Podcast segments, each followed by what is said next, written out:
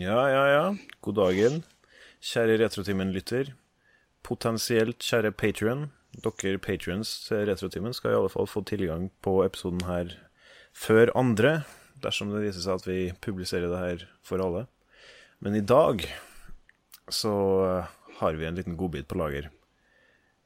I det siste så har nemlig jeg og en god kompis av meg spilt gjennom et, eh, et av tidenes spill, tør jeg påstå, nemlig Bloodborne. Og det har rett og slett gjort sånn inntrykk på meg, Rasmus, at uh, her må det tømmes ting og tang. Spesifikt meg sjøl. Og i den sammenheng så har jeg da kapra en hel episode, Retrotimen, for å gå litt i dybden på godeste Bloodborne. Og um, skal vi se Spillet Bloodborne det er et spill som kom ut i 2014 til Nei, 2015 var det vel. Det kom ut til PlayStation 4. Og jeg husker jeg spilte på den tida og ble veldig engasjert. Klart faktisk å komme meg helt gjennom det, men jeg syntes også at det var såpass eh, utfordrende, og at det å plukke det opp og spille mer på det etter å ha gjort det ferdig en gang, virka såpass utfordrende at jeg, jeg valgte å ikke gjøre det. Men det, det, er ganske mye mer å gjøre i det, så derfor fant jeg det for godt å dra det frem igjen for ikke så lenge siden. Og få med en god kompis på laget for å hjelpe meg gjennom det. Siden det er nemlig coop i spillet, så man kan få hjelp. Og i den sammenheng så kan jeg introdusere panelet. Det er meg, Rasmus, og min kjære venn Vegard. Hei. Hei, Vegard. Hei, Rasmus. Og Kristoffer. Hei, hei. Og det var en eh, skulle du si, kjent type, men det er det jo dessverre ikke. Men du er en patrion for Retrotimen. Ja, det er eh, Så da tenker jeg at du skal få lov til å bare kjøre en liten kjapp intro av deg sjøl. Ja. Eh, jeg heter Kristoffer. jeg er gode 34 år. Og eh, er bosatt i Hammerfest og er lærer. Nice. Yeah. Ah. Jeg synes jeg ser noen likheter mellom dere to. Du er jo lærer, Vegard. ja, jeg er det. Nice. Ja, men det er bra. To pedagogikere der, altså. Mm. Nei da. Har du, sette har du sett deg i nå, Rasmus? Nei, det blir bra. Kanskje jeg lærer en ting eller to òg. Ja, vi får se. Vi får se. Nei, altså, det er jo eh, Bloodborne er jo et spill der det er meget, meget mye å snakke om, som det heter. Og hvor vi skal begynne hen, er ikke så godt å si. Så jeg lurer på om eh, Jeg lurer på om det er best å egentlig bare ta en liten sånn uh, kjapp gjennomgang av uh, litt uh, typiske ting dere finner på Wikipedia. Som der jeg var på Wikipedia fant i et par ting. Så, sånn er det. Det er ikke alle som har hørt om Bloodborne. Det er nok- en del som har hørt om Bloodborne, men for dere som ikke har hørt om det, så tenker vi å strukturere denne episoden her sånn at det skal la seg gjøre å høre på store deler av den uten å ha innblikk i Bloodborne. Samtidig så er de tre av oss som sitter her i dag, relativt eh, godt innkjørt i Bloodborne.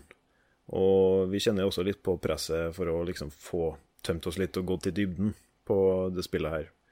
Men eh, det skal vi prøve å spare til seinere, så da sier vi godt og hardt ifra når vi går over til i gåsetegn spoiler talk. Det, det spillet her syns jeg egentlig ikke er mulig å spoile i så veldig stor grad, men vi kan jo prøve å være litt påpasselige med hva vi snakker om til å begynne med, da.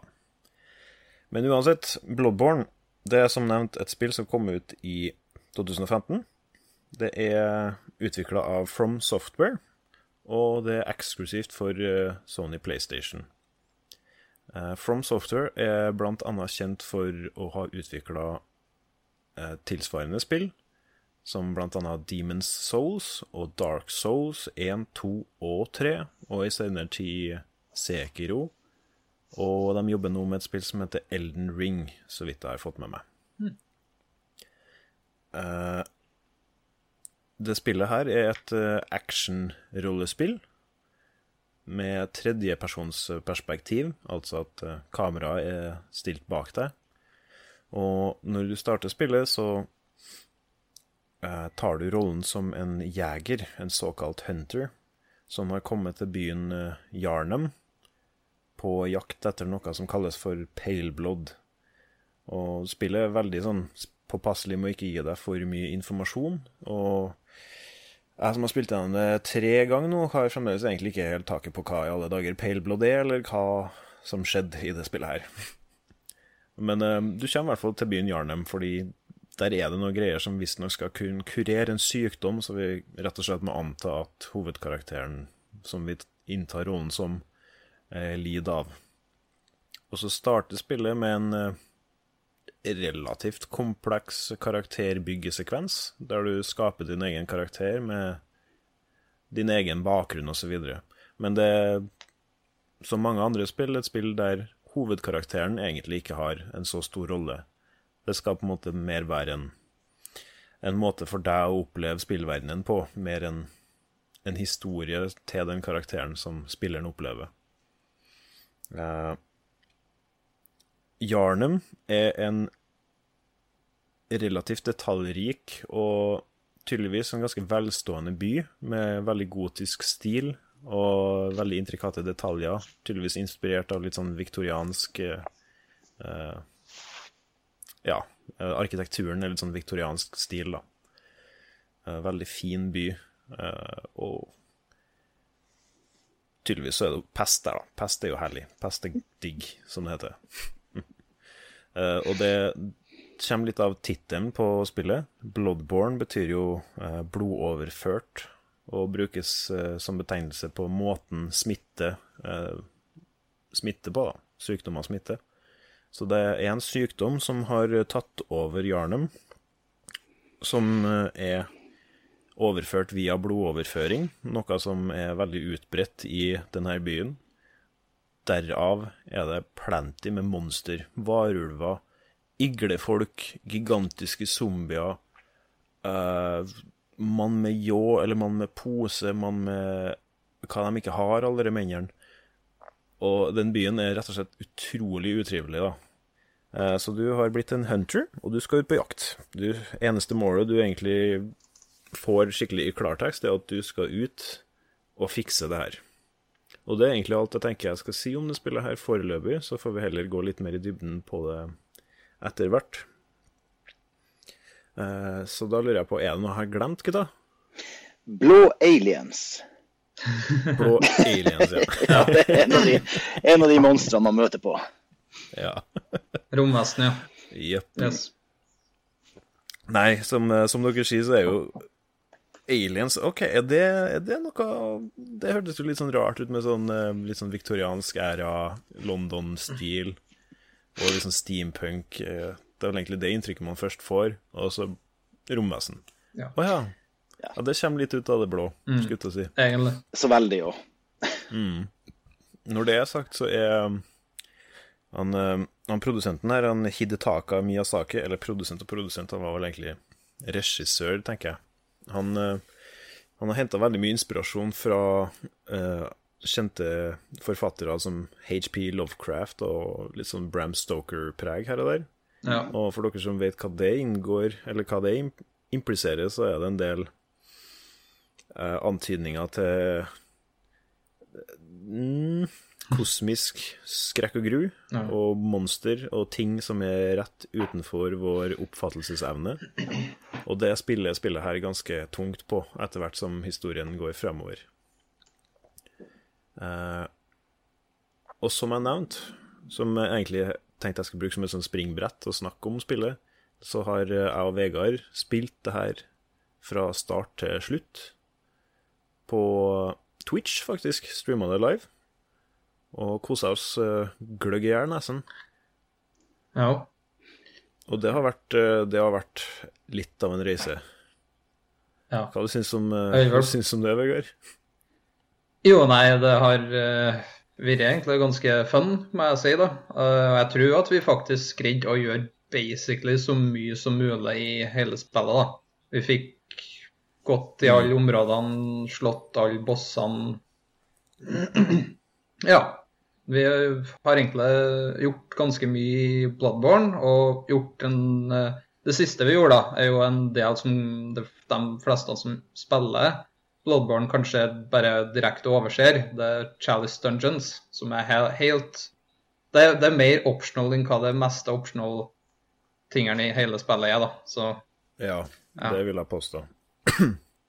um, vi skal nok komme litt mer tilbake til det Ja, ja. senere, tenker jeg. Ja. Men um, underveis i spillet så uh, Altså, måten spillet går fremover på, er vel rett og slett bare det at du blir kasta ut i verdenen, og hvis du er flink og klarer å overleve, så klarer du å få tatt knerten på en boss, boss, og så låser du opp ei lampe som da på en måte blir et checkpoint. Og så kan du komme deg tilbake til en sånn drøm som fungerer som basen din, da. Som er det punktet i spillet der du reiser ut fra til de forskjellige level 1 og level 2, til den grad du kan kalle det, da. Og så etter hvert så finner du flere nye områder, og så finner du nye bosser, får du tak i nye ting, og så etter hvert som du bare lar nysgjerrigheten styre deg, så går spillet sin gang, da. Eh, Men samtidig så finnes det enkelte områder i spillet som ikke nødvendigvis tar deg videre til neste nivå. Det er mer en sånn blindvei. ja. Men du får vanligvis alltid et eller annet for den turen du tar, da. Være det seg eh, nye våpen eller XP, også kjent som Blood Echoes i det spillet her, da. Erfaringspoeng. Mm. Men du kan også finne f.eks. eh, Ja, chalice. Kall det chalice. Det er vel ei sånn skål av noe slag. ja. Og det er egentlig inngangsnøkkelen til et eh, sideaspekt ved spillet her som heter Chalice Dungeons. Um, skålgrotta, som det heter på norsk. Viden kjent som Skålgrottene. Nei, det, det, det er en sånn Jeg vet ikke helt hvordan man skal forklare det, men uh, allerede når du får tak i en av de sånn uh, chalicene, så kan du uh, lage deg chalice dungeon og gjør det istedenfor Eller ikke istedenfor, men i tillegg til eh, hovedhistorien. Ja. Når du kommer tilbake til den eh, drømmen, Hunter's Dream, så kan du skape Chalice Dungeons. Og det husker jeg når jeg spilte spillet, så forsto jeg på en måte at det var ei greie ja. At det var noe. Mm. Men jeg forsto egentlig ikke helt hva greia med den greia var. Og det har jeg egentlig først nå, etter vi spilte gjennom det, fått litt klarhet i. ja. Men uh, vi kan komme tilbake til det. siden det, det er på en måte åpenbart en sånn ettertanke i forhold til hovedspillet. Ja, ja. ja. Eh, grunnen til at Kristoffer er med for øvrig, det er fordi at eh, vi har vi, Jeg har jo drevet posta streamlinker og sånn til Patrion-gruppa vår på Facebook og sånn. Litt artig å gi Patrions inn, innblikk i hva det er vi driver på med om dagene. Og da kom det en godkar der som uh, skrytte på seg intet mindre enn 750 timer i Bloodborne. Oi. Og da fikk jeg bakoversveis. Ja. Så Eh, ja, eh, hva, hvordan går det, an, skulle til å si? Nei, altså Jeg vet ikke, skal vi ta det fra starten? Ja. Ja. Start med time én. Time én. Nei, jeg har jo eh, Jeg følger jo Level Up ganske tett, som de fleste som er interessert i spill, kjenner til. Eh, og der Karl Martin Hogsnes hadde det som årets spill i 2015, eller ett av dem. Ja. Og da tenkte jeg her må jeg prøve. Så jeg satte meg ned med det. eh, og da sleit det litt sånn i begynnelsen, for jeg visste ikke hvordan man skal equippe våpen. Nei, ikke sant. Og det er jo et noen lite helsike, for at man møter på en varulv helt i begynnelsen der som måte skal gi deg en tutorial. Men eh, selv om jeg havnet- havnet til det som da heter Hunter Stream, som vi sikkert skal prate mer om, eh, så skjønte ikke jeg hvordan jeg skulle sette våpnene på handa. Jeg hadde bøtter på, men ikke tatt det i handa. Så jeg brukte jo en liten halvtime der på å lære meg bare hvordan jeg skulle slå folk uten våpen. Så jeg kom jo til hele lampa jeg, den første lampa før jeg helt fant ut at jeg faktisk kan ha våpen i det spillet her. Så det, det var jo en ganske grei måte å lære seg hvordan man skal dodge og etc. i kampsystemet. OK, såpass, ja. Ja. Det er, ikke, det er jo ikke så mange fiender fra du starter spillet til du kommer til første lampa, men Nei, det er sånn nok. fire med den der eh, varulven, så det ja. Ja. Nei, så det var sånn jeg starta. du, kan jo, du kan jo si det sånn at spillet her gir deg jo en døpelse i ild. Du, du våkner på i et sånn operasjonsbord etter å ha fått uh, angiveligvis en sånn blodoverføring. Mm. Og så går du ned i trapp og gjennom et mørkt rom, og så møter du på en varulv. Og de varulvene her er rett og slett ikke enda blitt særlig dus med. Jeg syns de er helt for jævlig. Så det er klart man dør. Og det er på en Ja. måte meninga, da. Ja. Men det, man skal jo Ja. dø mye i det spillet her. Det legger jo opp til det. Mm. Ja. Nei, og så uh, gikk det da videre til at jeg Da gikk jo resten av spillet egentlig ganske lett. For da hadde jeg jo lært meg de fleste måtene å spille på. I hvert fall hovedelementene, sånn som dodge og visceral attack. Og da tok jeg jo de hovedboss, første hovedbossene ganske greit. Så kom jeg jo til, til slutten og spilte meg gjennom, og til da siste bossen, da.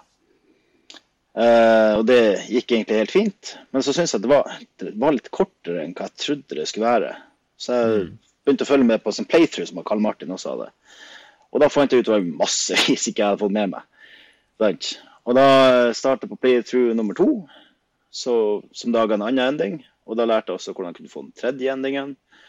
Og så etter hvert så begynte jeg å tenke på skal det være mulig å slå der spiller uten å daue?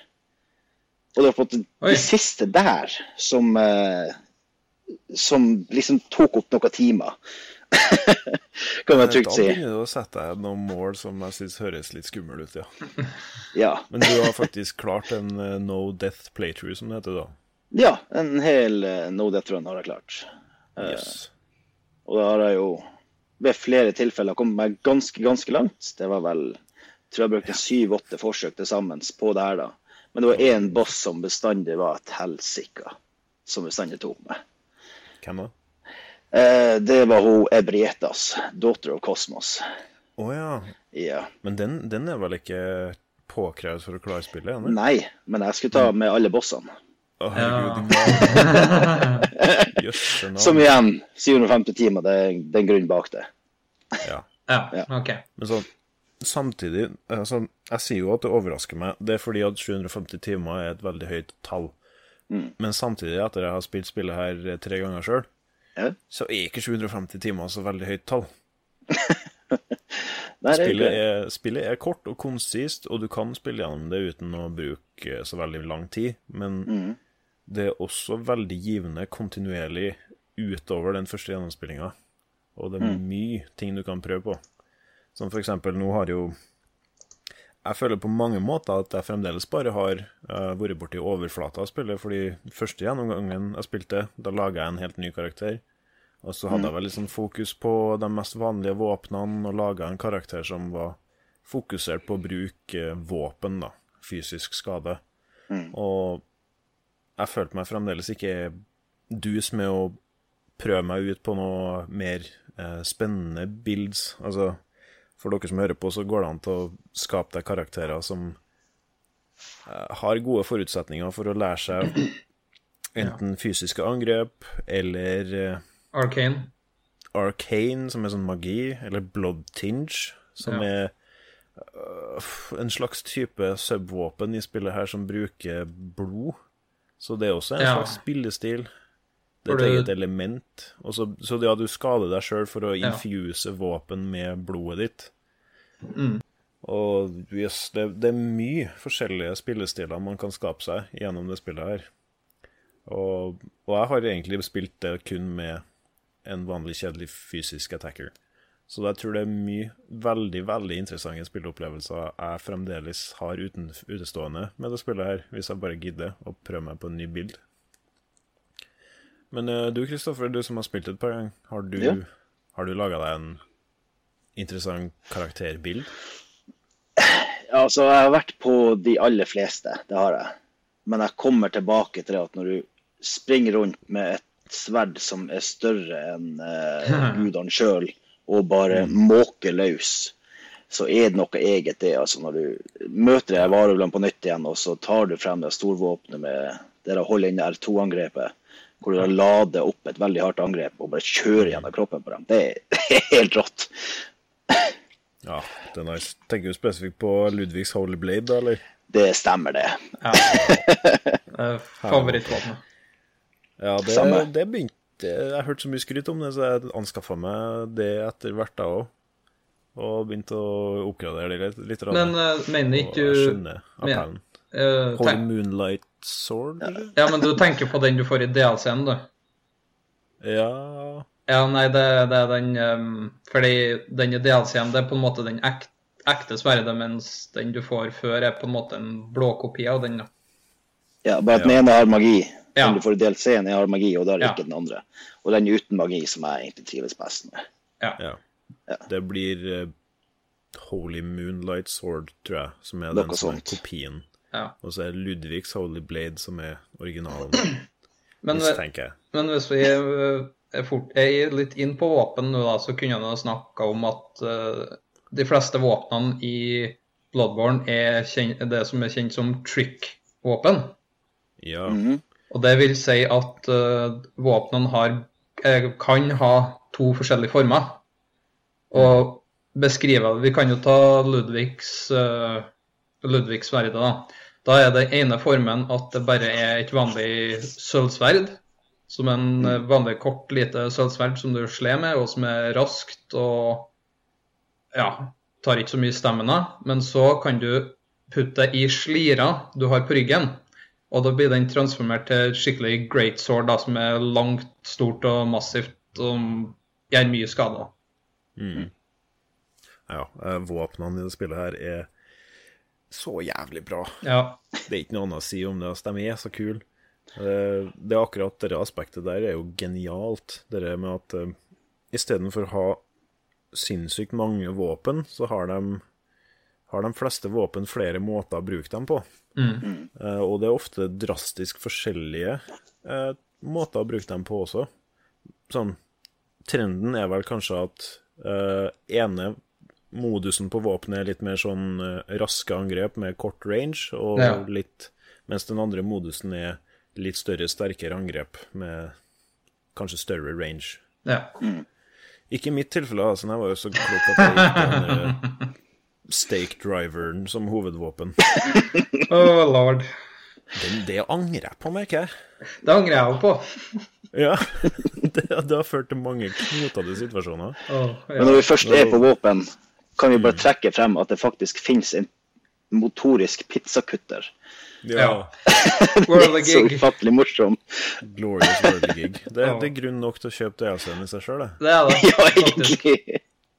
Eh, bare for å forklare dere som hører på hva det går i, så er det en uh, Når du først tar det på deg, så har du en sånn svær uh, sirkulær sak på ryggen og en pinne i armen. Og du kan slå folk med den pinnen, naturligvis. Men du kan også skifte til det andre modusen, og den går ut på at du stapper den pinnen i den saken du har på ryggen, og da starter det i bunn og grunn opp ei ja, tre lag sirkelsag Mm. med sagkant, og du kan begynne å slå og dælje løs på den samtidig som du kan holde den foran deg og gå med den som en gressklipper. Ja, Ah, ta. det er så bra. Så lager jo ned en skikkelig herlig lyd. Ja, det er nydelig. Fantastisk. Ja, den er artig. Men skal vi se, jeg har, et par, jeg har skrevet ned et par spørsmål her. Hva som Og det er et av de beste spørsmålene vi kanskje kan eh, ta først, er eh, Vegard. Hva, Ja. er det, hva er det som virkelig fenga deg med Bloodborne? Hva var det som var grunnen til at det her liksom satte seg som et spill du hadde lyst til å skikkelig sette deg inn i? Oh man. Uh, nei, jeg kan jo si det, da, at uh, Jeg så på en YouTube-kanal som er ja, for så vidt nedlagt nå, da, som heter Super Best Friends. Og de eh, er ganske kjent for å spille, spille men i hovedfokuset til én spesielt, der det har vært Dark Souls. Og de har spilt gjennom det, da, også toa, og så trea når det kom ut, men så spilte de jo òg Bloodborne når det kom ut, da. Så jeg har egentlig, egentlig alltid tenkt meg å sette meg inn litt i Dark Souls først og fremst, men så kom jo Bloodborne ut Jeg kjøpte jo ikke Bloodborne når det først kom ut, men det ble jo gratis på PlayStation Store Plus. Og da tenkte jeg ja, jo da, nei, nå skal jeg prøve å sette meg inn i den get good-gamen og se om jeg faktisk klarer å get good, da. Og prøve det, da. Og ja, jeg fikk det nå for så vidt til. Og det var noe av det mest fun spillene jeg har spilt på det tida. Ja. Så Det, det er noe med det der. Eh, folk liker jo å trekke fram disse spillene her som så notorisk vanskelig. Jeg har ikke akkurat lyst til å si at det ikke stemmer, men samtidig så har jeg også veldig lyst til å si at de er ikke urettferdig. Altså, Nå er jo for så vidt Bloodborne det eneste spillet jeg har spilt av de spillene her, og jeg føler Bloodborne er veldig rettferdig, da. Ja. For det var Alltid, men stort sett. Bare for å ta med det òg, da. Når jeg så på de spilte gjennom spillet, så var jeg noen bosser de bare rett og slett sto fast på. Og de bare rett og slett måtte klippe vekk fordi de hadde så mange forsøk at det ikke var noe grunn å ha med det i episodene. Men også Jeg vet ikke om det var fordi at jeg har sett bossen i forkant, eller hva det var, men når jeg prøvde å ta den, så greide jeg den liksom enten på to eller tre første forsøkene. Så det, Mm. det er litt rart med det at noen, til noen kan det være det vanskeligste bossen ever, men til andre kan det være eh, easy-peasy. Ja, absolutt. Det er noe, det er noe individuelt med det der. Veldig interessant. Så når jeg hører at noen folk sliter liksom skikkelig med spesifikke bosser eh, Ta Åh.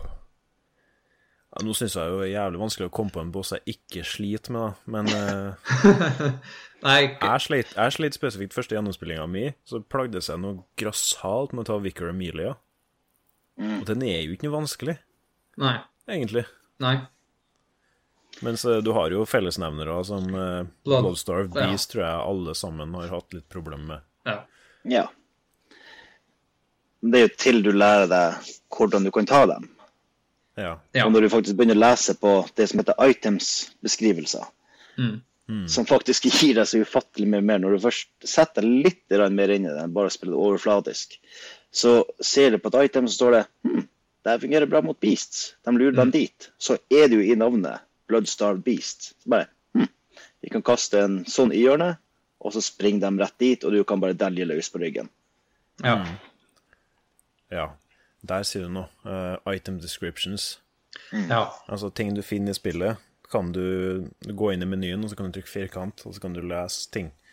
Og det spillet her har egentlig ingen interesse av å eh, trø eh, story ned i halsen på deg. Du må finne ut av det sjøl. ja. Og det bruker ofte eh, kontekst og visuelle clues, og primært beskrivelsene av ting du finner i spillet. De gir deg Ja. mye mer innsikt i hva spillet går i, og hva som foregår i verdenen, enn det man skulle tro. Mm. Og det er det som du sier der, eh, Bloodstarved Beast, der ligger det veldig i navnet. At det monsteret, det er svakt mot blod, Ja. sånn sett. Og så har du noe som heter Pungent Blood Cocktail, som du sier, som tiltrekker beasts. Og hvis Ja. du pælmer en uh, Pungent Blood Cocktail i hjørnet under den bossfighten, så får du fred. Og det er noe du sårt trengt i den bosskampen. Herre fred, du får gjennomgå. Eh, For dere som ser på YouTube-videoen, som jeg forhåpentligvis får til å lage, så spiller jeg nå av et lite klipp av uh, meg og Vegard sin første kamp mot uh, Ludvig. Det, hva heter den? Ludvig the Accursed? ja. Korrekt. Åh, herre fred. Det er lærerne som er backup.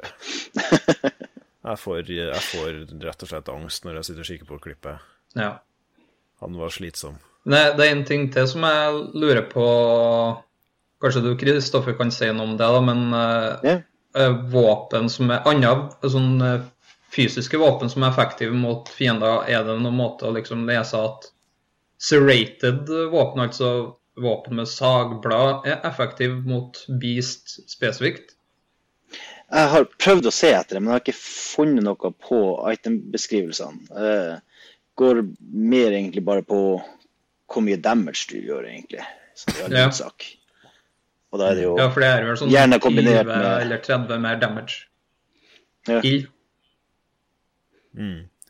Ja, det er noe med det der, ja. Altså Jeg har i hvert fall fått inntrykk av det. At det er våpen med sagtann er mer effektiv mot beasts. Men eh, det spørs vel. Ja, jeg er jo eh, Altså, det, man kan jo infuse våpen også.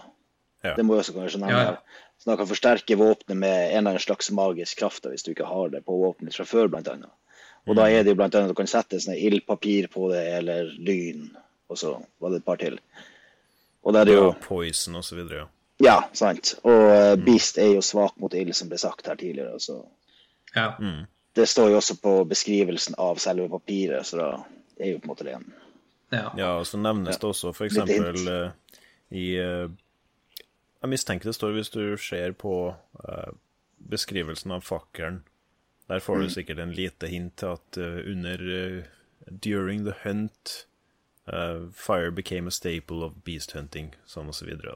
Da. Kan du putte litt sånn to og to sammen, og så kan du eksperimentere litt rundt og sjekke om Funker det egentlig bedre med flammevåpen ja. mot beasts?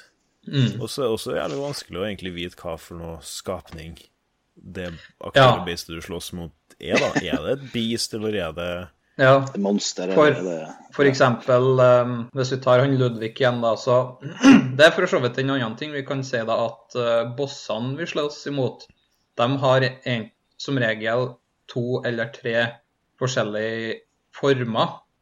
Der de går over til neste form etter hvor mye damage er, hvor mye av livet du har tatt av dem. da.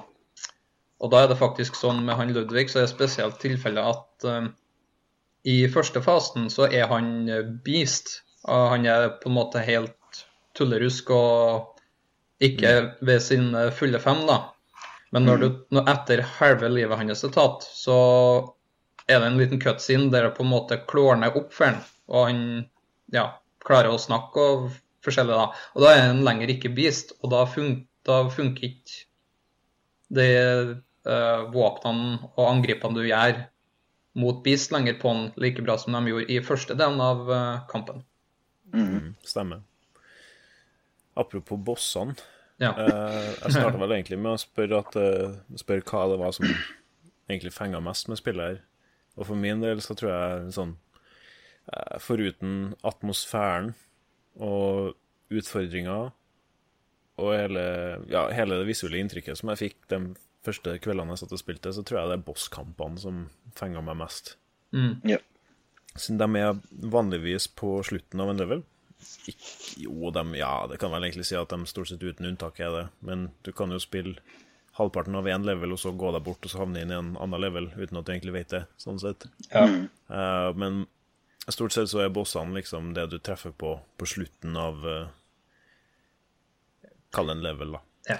Og det, det minner meg for øvrig på at eh, det som skaper veldig mye spenning underveis i spillet her, er naturligvis utfordringer, men også det at det står litt på spill. Sånn, hvis du har spilt en time eller to uten å dø, Ja. så har du samla opp veldig mye såkalte blood echoes, som er erfaringspoengene i spillet her, da. Eh, Og dessverre så er ikke det en fast valuta som låses når du får dem. Nei. Det er en flyktig valuta som eh, godt kan eh, ryke åt skogen om du ikke er forsiktig.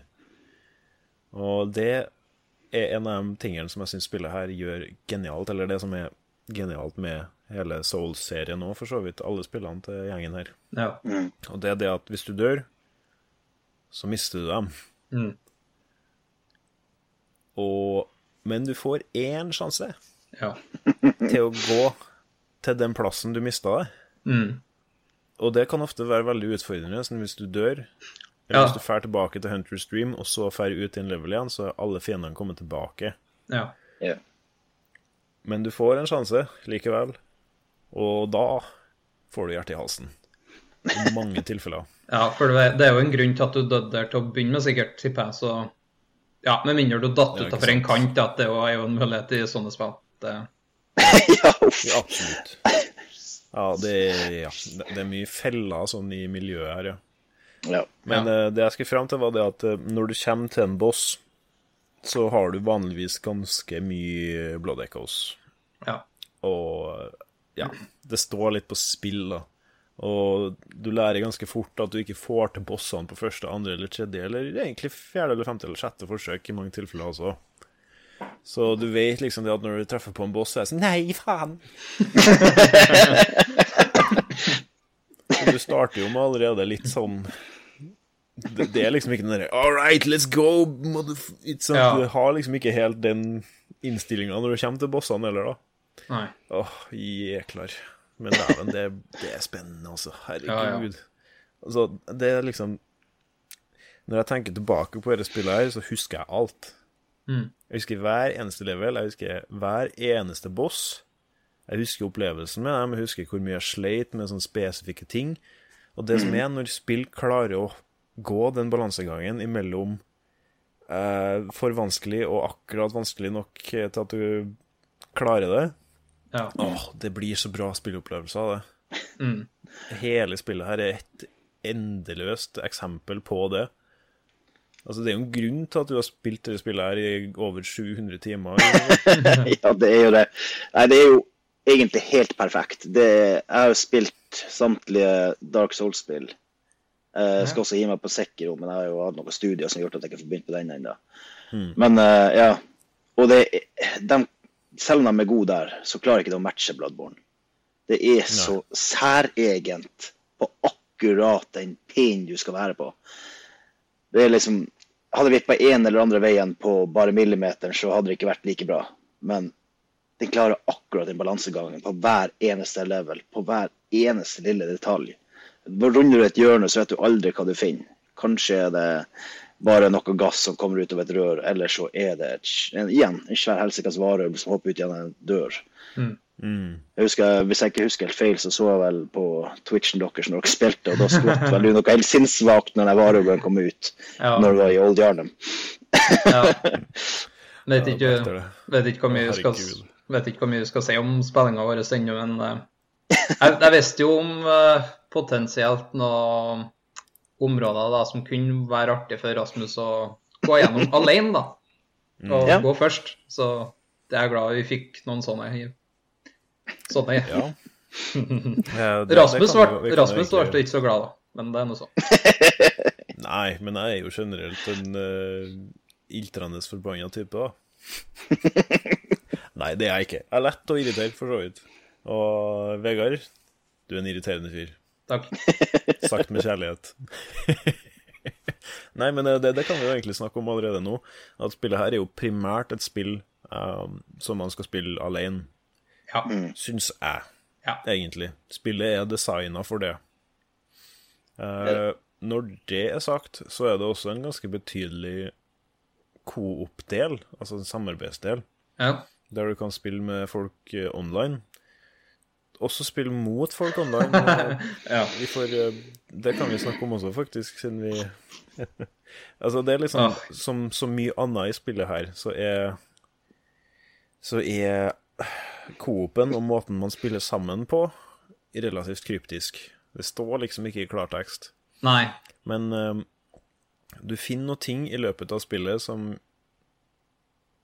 Ja, eh, du finner ei bjelle av noe slag. Mm. Som du kan ringe i for å eh, åpne din eh, spillsession for andre spillere. Du kan også Ja. sette et passord, som vi gjorde. Ja. Eh, altså, jeg satte et passord som kun du visste av, Vegard. Ja. Og så ringte jeg ei bjelle for å invitere spillere til min verden. Og så ringte Vegard ei, bjelle, ei annen type bjelle for å lete etter andre verdener og bli med i. Mm. Og da kan man Altså, da kunne Vegard bli med i mitt spill. Som en eh, Ja. gjest, på en måte. ja. Og det var godt på mange måter. Eh, det spillet her er nedtrykkende, og du blir sliten og lei og skremt og utmatta av det. Og bare det å få den minste hjelp er veldig godt. ja.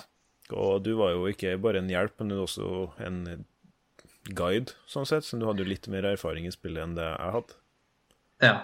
Jeg hadde vel spilt gjennom det Skal vi se nå To eller tre ganger før vi tok vår playthrough til sammen, ja. Mens jeg bare hadde vært gjennom med én gang. Ja. Og er det noe som skremmer meg mer eh, med tanke på at tida går fort? Så, herregud, det, det kom ut i 2015. I mars. Ja, ikke sant?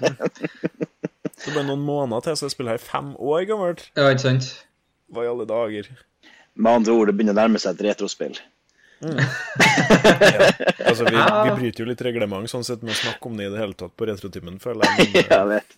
eh, Det får bare være. det, det Men det snakkes også om uh, Luigi's Mansion og den nye Link Awakening, så de får tåle Bloodborne. Ja. Vi skal, vi skal prøve å holde oss til retrospill i stor grad, da. Men uh, det er ikke noe å ta så veldig seriøst heller, syns ikke jeg. Uh, Vi må leke oss litt med formatet. Og jeg spiller nye spill, og da snakker jeg om at jeg har spilt nye spill. Og dette spillet her engasjerte jo såpass at vi måtte ta en hel episode om det, så. Mm. Og det merker jeg godt. Herregud, det er artig å snakke om det. Um, men coop-runden vår da, Vegard? Hva, hva syns du var artigst med det? Nei, Ja, det å sende meg ut i det var, terreng. det var definitivt uh, noe av det artigste, men det var jo òg det å få ja, litt gleden av å vise deg og uh, dele med deg det du rett og slett eh, bare hadde gått glipp av, da. Og Mm. no fault of your own, liksom, fordi det er ganske enkelt å gå glipp av ting. F.eks. Um, ja, bare ta Kanehurst som er et eksempel, da, som er et eh, basically Draculas castle-type level. Yeah. Og for å komme deg dit, så må du gå en hemmelig vei. og ja, det, Du må gjøre mye knot for å komme deg dit, og du må få et brev som tilkaller hest og kjerre. og ja. Det, og så stå, det er ikke liksom noe det er ikke noe guide i spillet som leder deg til å komme dit. Du må liksom bare Nei. finne det sjøl. Det der er for så vidt eh, Kan vi ta en liten runde på det etterpå, hvis vi kommer på det. Ja, ja. Men eh, det er et par ting med spillet her som ikke er perfekt. Og det der er en av tingene. Det er veldig kryptisk, og i, i stor grad så skader det spillet, syns jeg. Ikke for det, det er jo også åpenbart meninga å spille gjennom spillet flere ganger. Så at du på en Ja. måte tar en runde, og så kan du sitte og føle litt på OK, hva syns jeg om det her? Er, det, er jeg egentlig i humør til å ta det? Og gå dypere inn i det. Og det er en bra ting, men samtidig så er det sånn Jeg syns det er litt synd at det ikke er mulig Altså, det er, jo, det er jo mulig, men det er veldig liten sannsynlighet for at du snubler over Kanehurst da, på første Ja. Gjennomspilling. Eller at du f.eks. får noe hint til hvordan du skal få den tredje og i gåsetegn beste endingen. Ja. Det er det jo heller veldig liten fare for at du kommer til å rote til, med mindre du sjekker det opp på en guide. Ja. Det er et spill som jeg Jeg vil ikke anbefale at folk som spiller for første gang, bruker guide, egentlig. Mm, Så jeg bare Nei. hopp ut i det. Altså Til en viss grad du kan sjekke sånn beginners guides og sånn tips og triks, men ikke, ikke sånn detaljerte guides, syns jeg ikke. Men ja, Kanehurst Castle, ja. Og Mm. sånne ting. Eh, hva annet hva annet optional Nei, det var nå uh, den og, Nei, Ebriatas Nei, hvordan man sier det igjen. Ja. Det var helt, det var jo helt optional, det å ta den uh, ruten, skulle vi si. Mm. Og Witches of Hemwick var også optional. Ja, altså det er jo det er syv bosser man er nødt til å ta for å klare å runde spillet. Ja. Mm. Og ved siden av der så har du ti valgfrie bosser før du havner i Chalice Dungeons og DLC-en. Mm. Så det er jo mye mer som er valgfritt enn hva som faktisk er for å klare spillet. Ja, ja. Det stemmer. Ja. Ja, det, det ble egentlig mye klarere for meg når eh, Altså, for å hoppe litt kjapt gjennom ting, da, så er jo jeg glad i å eh, samle trophies i Mm. spillet jeg er veldig glad i. Mm. Og trophies er det samme som achievements på Xbox. Det er egentlig jeg Hvis dere trenger en større forklaring enn som så, så beklager. Det får jeg meg ikke til å gi. Men uh, det er i hvert fall i hvert fall et veldig interessant spill å samle trophies i, da. Siden det er et spill jeg er utrolig glad i, og jeg har lyst til å har liksom komme til det punktet at ja, det her er et av favorittspillene mine. Da, da skal jeg prøve å få platinum på det. Så det var litt det jeg gikk for etter hvert. Og så rota vi jo det litt til, da. Så den gjennomspillinga ja. vi, vi gjorde, der tror jeg ja, jeg, jeg, i hvert fall jeg brukte tre items som gjør at du får den tredje og beste endingen. ja. Og du får ett trophy for hver ending du låser opp. Og så lagra jeg, da. Eh, Og egentlig så er trikset der at du Før du tar siste bossen, så lagrer du og eksporterer saven din. Og så gjør du den ene slutten, og så laster du inn saven og gjør den andre slutten, og sånn. ja. Og, men så rota vi oss inn i det at jeg ikke kunne gjøre det. Så jeg ble nødt til å spille gjennom hele spillet på nytt igjen etter at vi var ferdig. Ja. Og når vi streama det, så sa jeg jo det at ja, jeg må bare gjøre det på egen hånd, ja. så får vi ta en siste sånn innspurtstream når jeg er omsider ferdig med det. Og da var jo jeg av den oppfatninga at det kunne jo kommet til å ta noen uker, da. og så dagen etter ja. da- Dagen etter får jeg høre. Skal vi, skal vi ta den streamen nå, eller? Ja, bare sånn OK. Dagen etter, liksom. Da Og det, det, var, det var en Da spilte jeg litt etter streamen vår på søndag, og så var jeg på jobb på mandag. Og Ja. så spilte jeg litt på mandagskvelden, og så var jeg ferdig med spillet. Ja. Og eh, det indikerer da til meg at det spillet her er jævlig kort, hvis du vet hva du driver på med. ja. Og, men hvis du ikke vet hva du driver på med, så går du til de plassene du ikke trenger å gå til for å avansere hovedhistorien. ja. Og det er det mange plasser. Ellers, alt akkurat det som du sier med Witches of Hemvik, trenger jo aldri å gå nedover Charnel Lane der. Nope. Og du Ikke trenger heller aldri å ta Ebrietas eller uh, fær til Nightmare Frontier og ta Amygdalan. Og Old uh, Yarnam med Bloodstar Beast. Ja. Ja. Den kan også Den. Den må du kun ta for våre chalices, egentlig. Jo da. Ja. Ja. Men Chalice heller trenger du jo strengt talt Nei, nei. heller ikke at altså Ja. Åh, ja.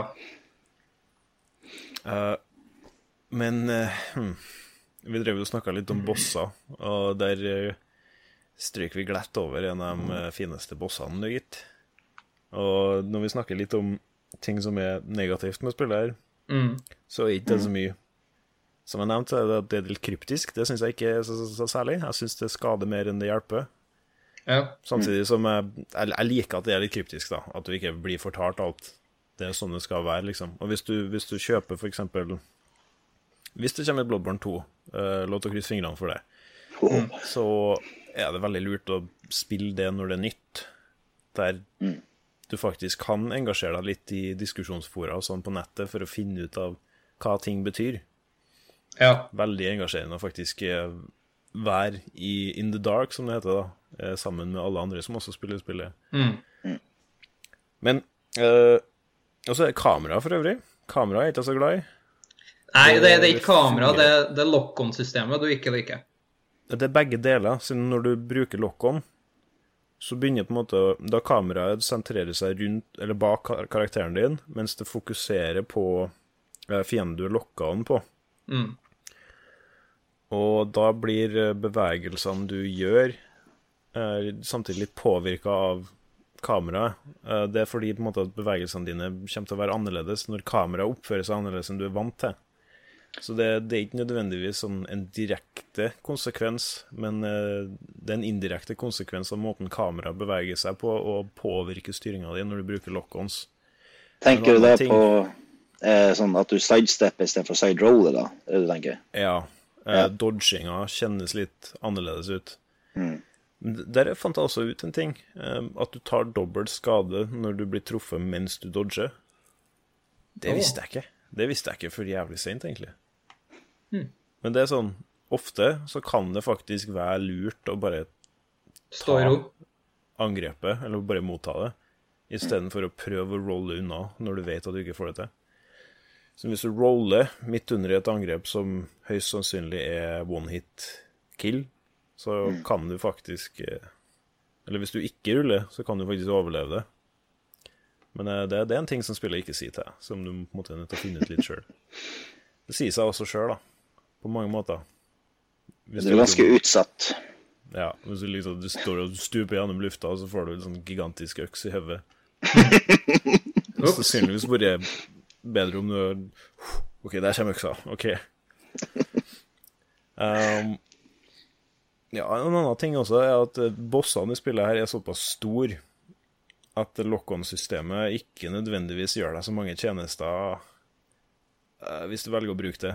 Ta kampen mot Amygdalaen, da, som er en skapning som har eh, mange svære, lange armer.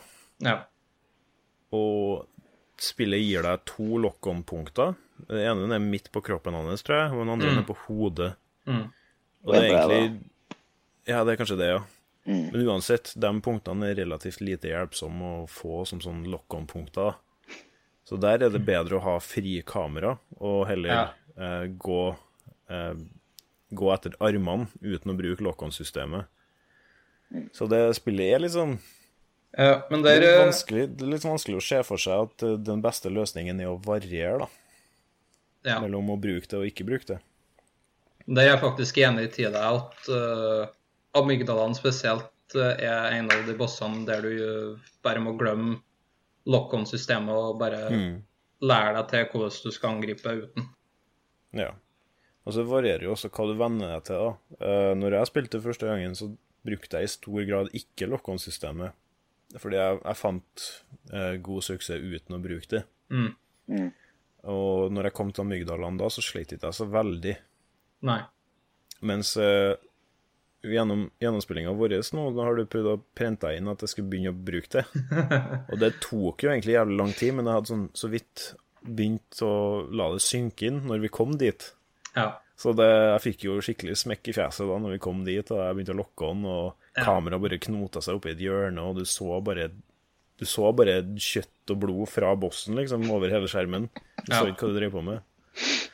Ja, så det, kameraet er ikke helt top notch, men eh, det er ikke så dårlig at jeg syns det er krise heller, da. Men det, det, er en, det er en spillmekanikk på lik linje med mye annet som du må passe på å ha litt kontroll over. Det kan, eh, det kan ødelegge dagen din så, så effektivt som mange fiender. Eh, ellers så er det én spesifikk boss som plager av meg, Fortell. og det er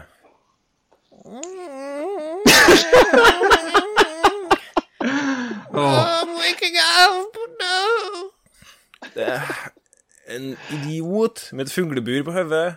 Ja. Springe rundt i en drøm som han har laga sjøl, og tror at den er viktig. Den forbanna Mikolas. Men han er jo, for å si det sånn, da, han er ikke form av typisk bosser, fordi han, i stedet for at han prøver å slåss imot deg i hov store hovedsak, så er han feig og springer vekk. Og det er din oppgave Ja. å prøve å ta han, liksom, og han gjør det ganske vanskelig å prøve å ta han. Ja, han er, han er en interessant boss på mange måter, men uh, det, det er rett og slett det at den er så jævla plagsom. Altså, måten det funker på, at den stikker av fra deg, Mm. og du er nødt til å på en måte Jage. litt sånn uh, shepherd dog og jage den inn i rett rom. Uh, ja, rett rom, ja. Og så tar du en liten fight mot den, og han angriper deg ikke så veldig. Han fokuserer mer på å hold, holde seg unna, samtidig som en eh, skaper sånn skjelettfolk. Ja. Og når du slåss mot den, så er den ikke så ille til å begynne med. Første gangen du får fanget den i et hjørne. Da går det vanligvis greit. Og så begynner den å springe rundt igjen. ja, fordi når du har jage tatt. Ja. Ja, og så, så får du låst den inn i enda et rom, og da begynner på en måte siste kampen mot den. da. Og da da trekker han frem noen sånne kosmiske helvetesangrep som uh, ja. virkelig gjør dagen surt for deg. Og det her er en lang, seig, irriterende kamp der du bare har sprunget etter den og bare blitt sur. Og så klasker han hendene sammen over hodet og sender sju stjerner på deg, så du dør. Halle! Yes. oh, Jeklar. Jeg tror jeg det var åtte til ni ganger på den, sånn, eh, den speedrun-runden min. Ja. Jeg var så sint. Jeg var så sint. Herre fred. Baska bossen her, altså. OK, Vegard, take it away. Hvorfor suger han her? Nei, han øh, Det er jo som vi har sagt, da, han springer jo rundt og rundt og rundt til at du har fått jaga han inn i rett rom. da. Og når du først har kommet dit, da, hvis du tar sistrommet, da, så gjør han jo den øh, hva det heter, A Call Beyond-angrepet. Mm. Der han sammener fire stjernemissiler over hodet sitt, som jeg husker ikke på om de øh, lokker inn på det, eller om de bare De tar er varmesøkende i stor grad, ja. Ja. Og hvis én eller to treffer deg, så er det one hit kill. ja. Og da, da er det over. Og så, så kjent med alle Bloodborne-bosser, så når du har dødd, så starter det helt på nytt igjen. Og da må du gå gjennom det samme knotete prosessen med å jage den rundt i det første rommet, ta den der, Mm. spring til en annen del av slottet, finne han der, jage han, spring rundt og jage han inn på rett rom, og så igjen. Og ja. ja det problemet er nettopp det at uh, mange av bossene i spillet her er, er du nødt til å gjøre et par ganger. Ja. Men akkurat den bossfighten her er særdeles irriterende og slitsom og kjedelig å gjøre på nytt igjen. Mm. Og når det er så utrolig enkelt å gå på en uh, one Smell. hit kill på slutten der, så må du gjøre den her ganske ofte, og den er usedvanlig irriterende. Men eh, hm. hva, Kanskje vi skal spørre fasiten, Kristoffer. Hva, hva gjør du mot uh, Mikolas? Nei, altså eh, Ja, dere har jo på en måte gjort det på rett måte med at dere jager han til, til et riktig rom og så hopper ned for å ta han til slutt. Eh, men det man kan gjøre, er jo at man når man står på toppen der, så kan man faktisk skyre en pebble, altså en liten småstein på han, rett før du hopper ned. For da rekker ikke han å starte med å skyte dem med en gang du kommer ned heller. Da blir han liksom staggered. Mm. Som da igjen gjør at du får ganske fritt spillerom. Og hvis du bare passer på å ikke tømme staminaen din, så kan du bare sleie av gårde. For at han klarer aldri å komme tilbake. Ja. Mm. Noe jeg så på en speedrun, da holder man igjen på første rommet med å ta sånn frame perfect hit idet han skal til å stikke av. For å bli staggra der også. Så du kan gjøre Ah, ja. den fighten her på i underkant av 1 12 minutt. Åh, det hadde vært godt. ja. Men det er det som du sier, det, det der som er trikset. da. Pass på at den aldri får fred til å gjøre det angrepet. Ja. Og det er ganske vanskelig, siden spillet her har jo en stamina-måler som kontinuerlig går ned så lenge du gjør angrep eller hopper til sides osv. Så. Mm. så du må på en måte trekke deg unna og bare få opp uh, pulsen, rett og slett. Få tilbake pusten. Og så Vi snakka på det her våpnene i sted med at de er trikkvåpen. Så her er et godt eksempel på når man ikke skal bruke det store versjonen av våpenet. ja. At du bruker den lille, for da bruker du mindre stamina. Da har du mulighet til å stegre den litt mye lenger. Ja, det hjelper veldig. Eh, også en ting med spillet her er at eh, andre spillere kan legge igjen eh, beskjeder i form av eh, eh, Skal vi se Altså, når man skal skrive en melding og legge igjen i spillet som andre spillere kan få se, så har man uh, kun et par gloser å velge mellom, så du får veldig merkelig formulerte uh, meldinger. Det er ikke alltid de nødvendigvis gir den indikasjonen de skal gi, men ofte så får du sånn Time for Poison, da, for eksempel, som er den jeg fikk på toppen av den kanten når du skal hoppe ned til Mikolas i det rommet han har gjemt seg i. Og det indikerer jo da at en god idé der er å kaste en poison knife hvis du har. Så da blir den poisoned, og så kan du bare stå oppå der og bare vente og se på at den kniven gjør effekten sin så lenge den varer, da. ja. Siden, eh, ja, du trenger på en måte det du får i de bosskampene du sliter med. Nei, Mikolas, en kødd. Jeg er glad i Føllemannen. ja, sjæl. jeg vet ikke om vi skal ta en runde på det, da, hva som er verste bossen og favorittbossen eh, til oss, da, eller skal vi ta senere? Nei, vi kan ta det nå, egentlig. Er det noen som Ja. mener at Mikolas ikke er den verste? Nei. Ja, jeg syns han er verst, ja. ja. Fakti ikke til meg heller, faktisk. Men eh, eh, hva jeg kan jo begynne først, da. da. Eh, altså, verste bossen da, vil jeg, til meg så blir det den jeg plagdes aller mest med. Og til meg så må det være uh, Lawrence, the first uh, vicar. Han var så vanskelig at meg at jeg la ifra meg spillet i god stund, før jeg eventuelt kom tilbake og bare holdt på i flere dager om og om igjen, og helt til jeg greide det. da.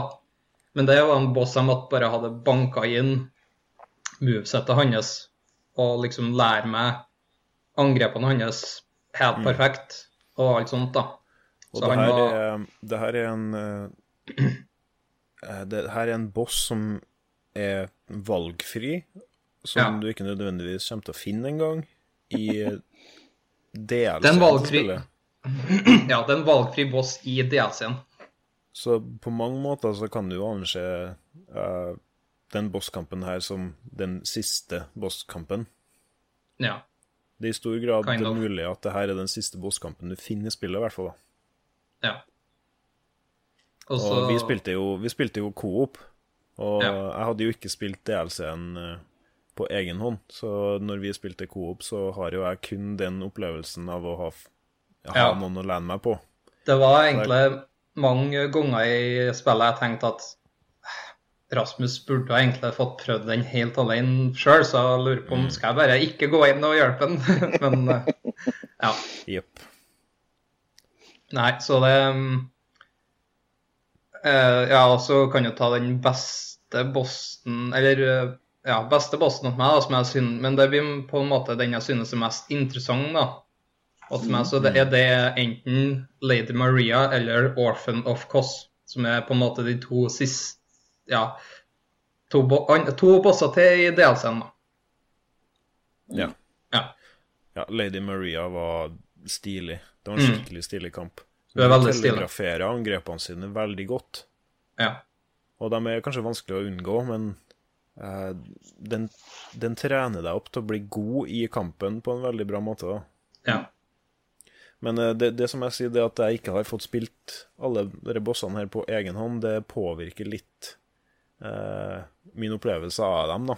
ja. Så i stor grad, hvis du spiller Bloodborne alene, så klarer du ikke en boss med mindre du kan 100 Ja. Så jeg anbefaler jo at du tar deg, spiller gjennom det alene aller Ja. første gangen. Ja, samme her. Jeg syns Orphan of Koss var en tøff bosskamp, men jeg så også det at huh, jeg er for så vidt glad jeg hadde litt hjelp her siden. Ja, Det var jo en, det var en av de bossene jeg så på dem jeg så på YouTube i Det er den de, en de sleit noe grossalt med. Og så tok jeg den på kanskje fjerde forsøket. Så det var Såpass, ja. Vi tok en på første? Ja, Jo vel, det, ja. kan godt hende. Men nå kommer jeg jo faktisk på at vi gjorde jo Chalice Dungeon-bossene, Rasmus. Ja. Så da, da vil jeg egentlig si å, den Watchdog of the Old Lord, som er den vanskeligste ever. Mm. Ja. Vi er begynner å uh, ha snakka oss uh, relativt ferdig om hoveddelen av spillet nå, sånn sett Ja. eh, vår opplevelse av det. Jeg syns egentlig ikke vi har spoila det noe særlig heller, jeg. Uh, Siden spillet her er sånn Når du spiller gjennom det og blir ferdig med det, så har du egentlig ikke skjønt noe. Du sitter, sitter igjen med flere spørsmål enn hva du begynte med. Ja, du gjør det. Så det er sånn, Der kan du sette streken, eller så kan du gå på YouTube og finne noen YouTube-kanaler som forklarer ting. Og det har jeg også gjort, og det er veldig givende, faktisk. Mm. Eh, eller så kan du være en av dem som prøver å sette sammen det her sjøl, da. Men eh, det, er, det er et veldig komplisert spill å få klarhet i hva som foregår, da. Ja. Eh, så- så mye av de ledende teoriene Altså, Allerede der, når jeg må bruke begrep som det, så vet du at her er det liksom kryptisk. Her er, her er det lite som blir forklart. Mm. Så det er mye metaforiske ting og sånn, da. Eh, Jeg liker det, jeg liker det egentlig, men det er også veldig litt Ja, det er ganske utfordrende hvis du sitter og ønsker å få litt klarhet i hva du driver på med, da. Jeg, jeg klarte meg, jeg trengte ikke, siden jeg syntes spillet var givende nok i seg sjøl. Og jeg så på en måte at verdenen her Verdenen her henger sammen. Det er ettertanke bak det. Og jeg kan ta det Jeg kan sette meg inn i det når jeg, når jeg får tida Ja. rett og slett. Men eh, hva, hva var det jeg skulle si nå? Uh, ja. uh, vi nærmer oss på en måte slutten av det Hoved... vi har opplevd av spillet, og da kan vi jo egentlig snakke om Chalice Dungeons, som er egentlig den siste negative tingen som jeg har. Det er positive ting med den, Ja. eller med Chalice Dungeons. Men det var Dungeons er det som vi nevnte tidligere, at det, det er en sånn ettertankedel av spillet på mange måter. Som er Du kan uh, skape et Chalice Dungeon når som helst etter at du har funnet uh, de chalicene i hovedhistorien.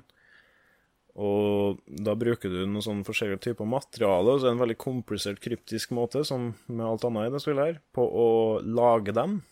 Ja. Og ja, egentlig eneste grunnen til at vi fant det for godt å gjøre det, er fordi at det er et trophy som krever at du slår eh, Queen Yarnum, som er en skjult, valgfri boss, som er i én av de Chalice Dungeonene. da. Og Ja. for å komme til det, akkurat det nivået, Chalice Dungeon, så må du lage mange andre, klar dem, samle opp ressurser for å lage nye dungeons, og bruke ressurser derfra til å lage enda et, og så klar det, og så kanskje etter hvert, hvis du har flaks, eh, faktisk skape den som leder deg til Queen Yarnum. Mm. Men Chalice Dungeons er i veldig stor grad eh, egentlig mer en sånn strukturert måte de kan pakke inn alt som var igjen fra spillet på, tror jeg, når de Ja. hadde utvikla det. Det er bare sånn, «Ja, Vi har masse ekstra bosser, vi har andre typer fiender som vi ikke har putta i spillet, og vi har, vi har så så mange sånne rom som vi egentlig ikke har klart å utnytte på en bra måte for å lage en interessant level. Så jeg tror spillutviklerne bare laga et system for å på en måte hive alt det de hadde til overs, inn i en blender, og så systematisere det og gi eh, spillerne en in game måte å utforske eh. Innhold som ikke er i hovedspillet på. Eh, og det fører til at Chalice Dungeons har en veldig sånn formelaktig fremstilling. Du starter på nivå 1 i en dungeon, og så har du en type gang som leder inn til et stort område bestående av samme type rom og samme type fordeling av fiender. Så skal du finne en spake, trekke den og åpne en heis Ja. på slutten. Og så tar du den heisen ned til nivå 2, og så starter du der på nytt igjen. ja, og så er det Så en har du heisen på slutten eh, der, ned til nivå 3, og så har du en boss på slutten der. Og så er du ferdig med den challenge Dungeon. Og så neste challenge Dungeon kommer til å være i stor grad akkurat samme eh, strukturen. Andre typer fiender og, og andre andre små kalde eh, Ja, nå vet jeg klarer ikke å finne fram det ordet, da, men det, det er forskjellige ting som kan påvirke opplevelsen din. da. mm, For eksempel i den ene, som var cursed Ailing uh, Nei, jo. Ja, cursed Nei. Ailing. Cursed Defiled. Cursed Defiled, og så var det Var det Thumerian. Jeg tror det var Themerian. Ja. Og Ja, vi kan jo ta det først, da, at uh, Det vil si da at uh, health-baren er effektivt halvert i den dungeonen. Og ja. Det er jo store problem nok i seg sjøl, da. Men når det kommer til bossene, da, som er en, eh, den eh, nummer to, som var Watchdog of the Old Lords, som er ja, en gigantisk flammende hund som eh, er ganske aggressiv av seg. Og ja, gjør ganske mye crazy angrep. Og hvis mange av dem, én eller to, treffer deg på rad, så er du mest sannsynlig død. Og så har den jo sjølsagt one hit kill, da. Ja. Sjølsagt. Og det er sånn uh, Det skal tas med i beregninga at eh, Chalice Dungeons var noe vi gjorde uh, så seint som mulig i spillet her, for å ha så god Ja. til å få det til som mulig. Eh, det vil si at vi hadde spilt gjennom hovedspillet, vi hadde gjennomført DLC-en i, i samme gjennomspilling, på en måte, så at det her er samme karakteren som vi starta, starta med.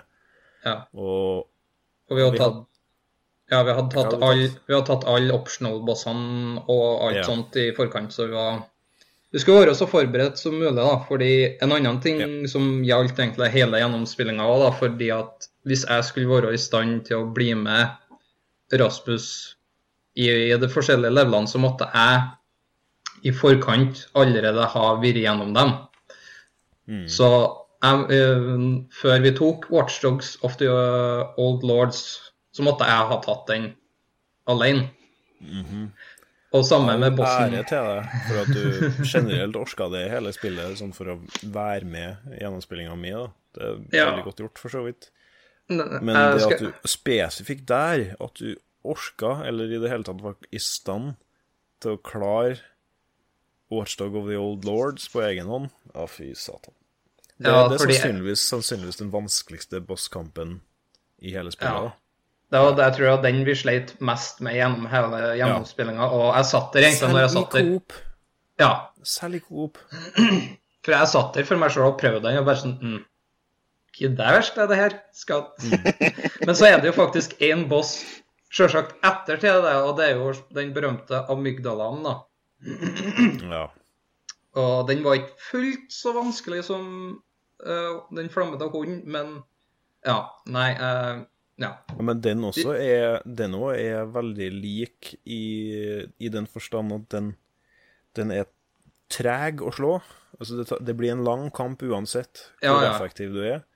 Mm. Og den har relativt høyt potensial for å gjøre et angrep som bare slår deg på ett slag. ja. Blant annet den øh, den hopper opp, og så forsvinner den i taket, og så aner du Du kan ha en litt anelse om hvor den lander, men ikke helt. Og hvis den lander på deg da, da er du død. Ja. ja det, det, er sånn, det er de tilfellene der spillet går fra å være eh, rettferdig, men utfordrende, til å være litt på kukkanten, for å si det sånn. Da, når, når spillet gjør sånn, så er det liksom vanskelig å, vanskelig å tilgi det, da, på en måte. Det er ett skritt for langt på mange måter. Men eh, det hender heldigvis ikke så ofte, da. Og så skal det jo være utfordrende. Men det, det er ganske plagsomt når du, er, du har brukt liksom 20 minutter på en bosskamp. Du har gjort det jævlig bra, og så hopper han opp i taket, og så har du ingen indikasjon på hvor den er hen, og du prøver etter beste evne å hoppe unna, eller noe sånt, og så bare lander den på deg, mm. og så dør du. Ja. Ja, det tar litt mot ut av deg. Kan, du spørre Kristoffer om det høres kjent ut? Den hunden gjør det. For det ja. steiker meg den verste bossen noensinne, altså. ja. Men det er mest fordi at resten av spillet er såpass rettferdig. Mm. Og den ja. blir bare plutselig urettferdig. Og da har du sikkert altså Når man kommer til så dypt i Challenge Dungeon, så har man i hvert fall 60 timer kun på den saven der. Ja. Pluss minus. Eh, og så kommer det plutselig en boss som nekter å la deg få muligheten til og helt kunne dodge unna noen av de superangrepene som, ja, som sier one-shot. Ja, ja. ja, Og det er så jævlig vanskelig. Men ja. amygdalaen derimot, eller amygdalaen som det egentlig heter, uh, den, uh, den har en liten sound cue rett før den detter ned. Ja, som gjør at du kan dodge unna, og da skal du klare å kunne se på en sånn um, støvfokk på gulvet som forteller hvor han er. Ah, ja. Men det er sånn en liten detalj som er det, det, er forståelig at man ikke ser den, for å si det sånn. Mm. Ja. Og for at, ja, for vi, det var vel en tidligere dungeon som vi måtte gjennom, eh, Rasmus, der, eh, jo, der vi tok det, og den eh, samme hunden, da, Watchdog, bare at da hadde vi Da var ikke defiled, så da hadde vi faktisk eh, vårt fulle liv. Og da tok vi den faktisk på førsteforsøket. Mm. Mm. Så det, det, har mye å si det at uh, du ikke har så mye liv som du er vant til. Fordi når du har ja. kommet så langt, så har du en ganske lang healthbar enn hva det du starter med. Ja. Stemmer. Jeg lurte på om jeg skulle snike meg på toaletten en tur. Og så får dere egentlig bestemt tema. Nå, nå, begynner jeg egentlig å gå tom for uh, ting på tapeten. Og det er jo ja. bra, siden vi har jo snakka en time. Men ja. dere kan jo bare surprise me når jeg kommer tilbake, dere, da. Ja. Den er god.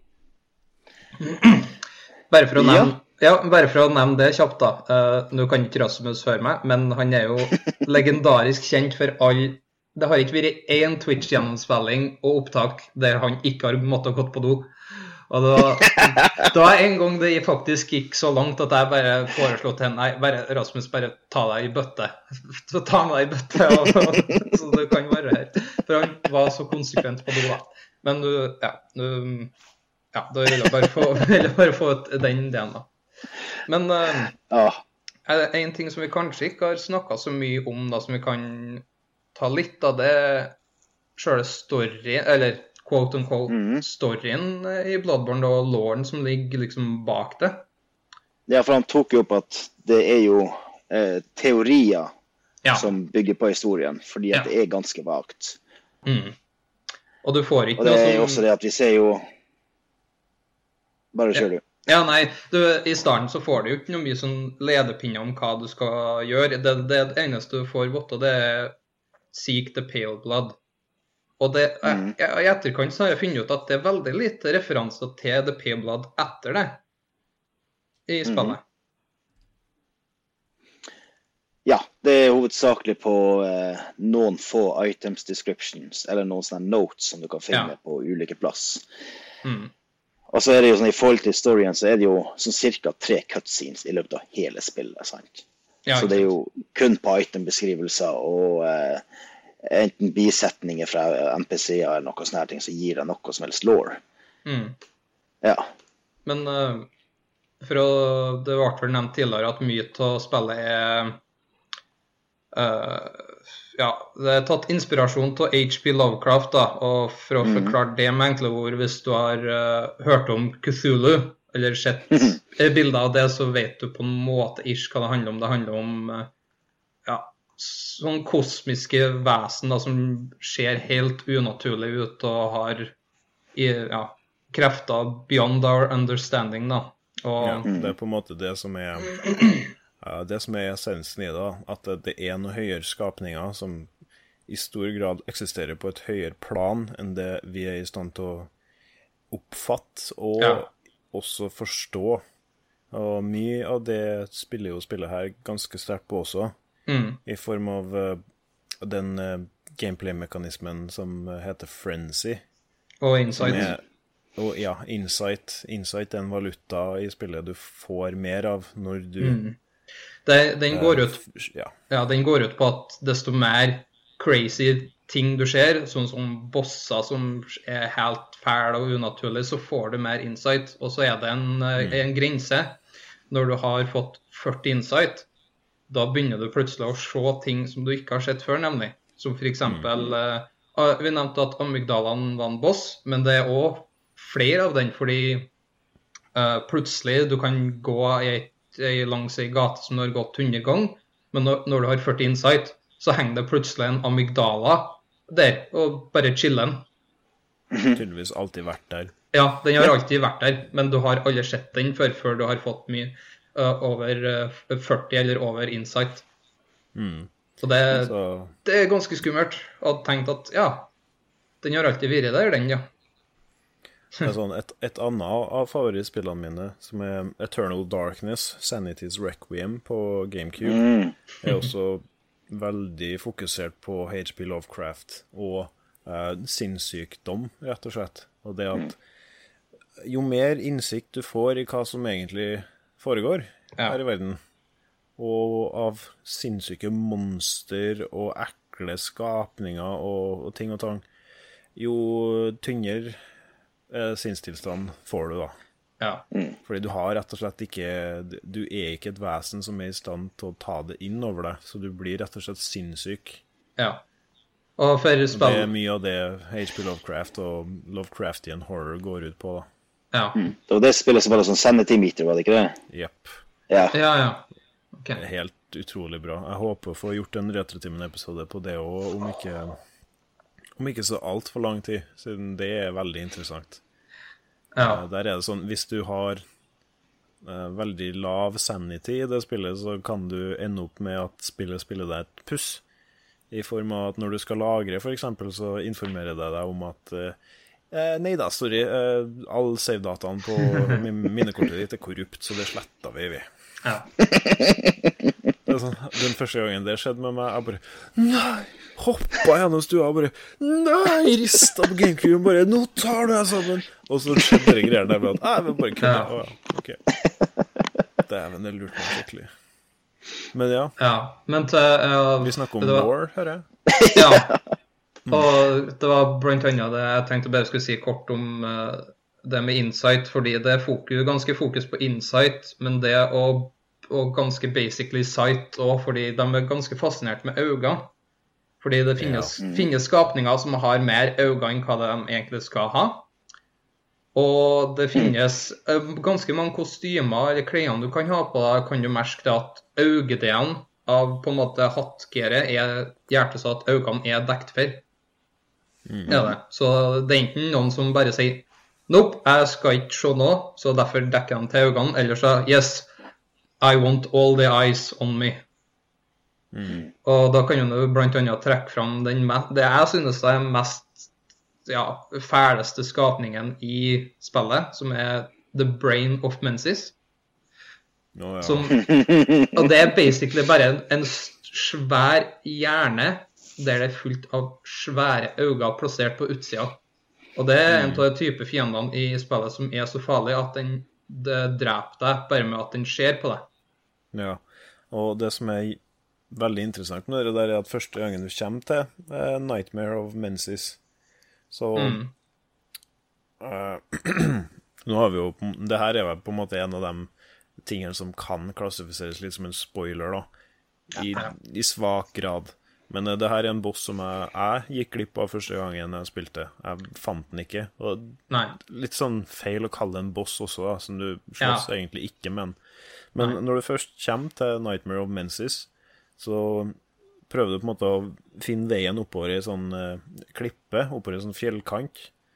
Og der må du kontinuerlig gjemme deg bak uh, steinformasjoner, fordi det er et eller annet, en, en nærhet, et eller annet som kikker på deg, eller som utøver kraft på deg, som gjør at frenzy-måleren din går oppover. Og det spiller her sin versjon av det å bli sinnssyk, da. Når, Ja. Og sin frenzy, du, du tar fortere Du fyller opp frenzy-måleren din fortere jo mer insight du har. Så det er i stor grad uh, galskapsmåleren.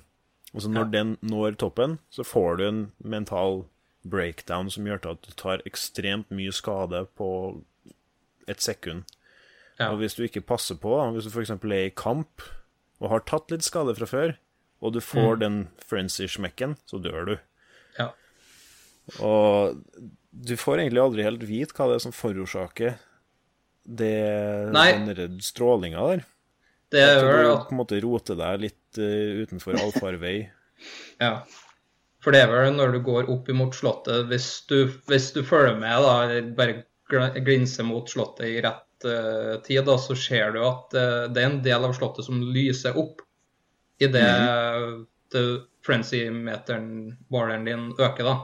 Men bortsett fra det så har du ikke anelse. Du aner ikke hva du gjør galt, eller hvor du skal, eller hva som skjer.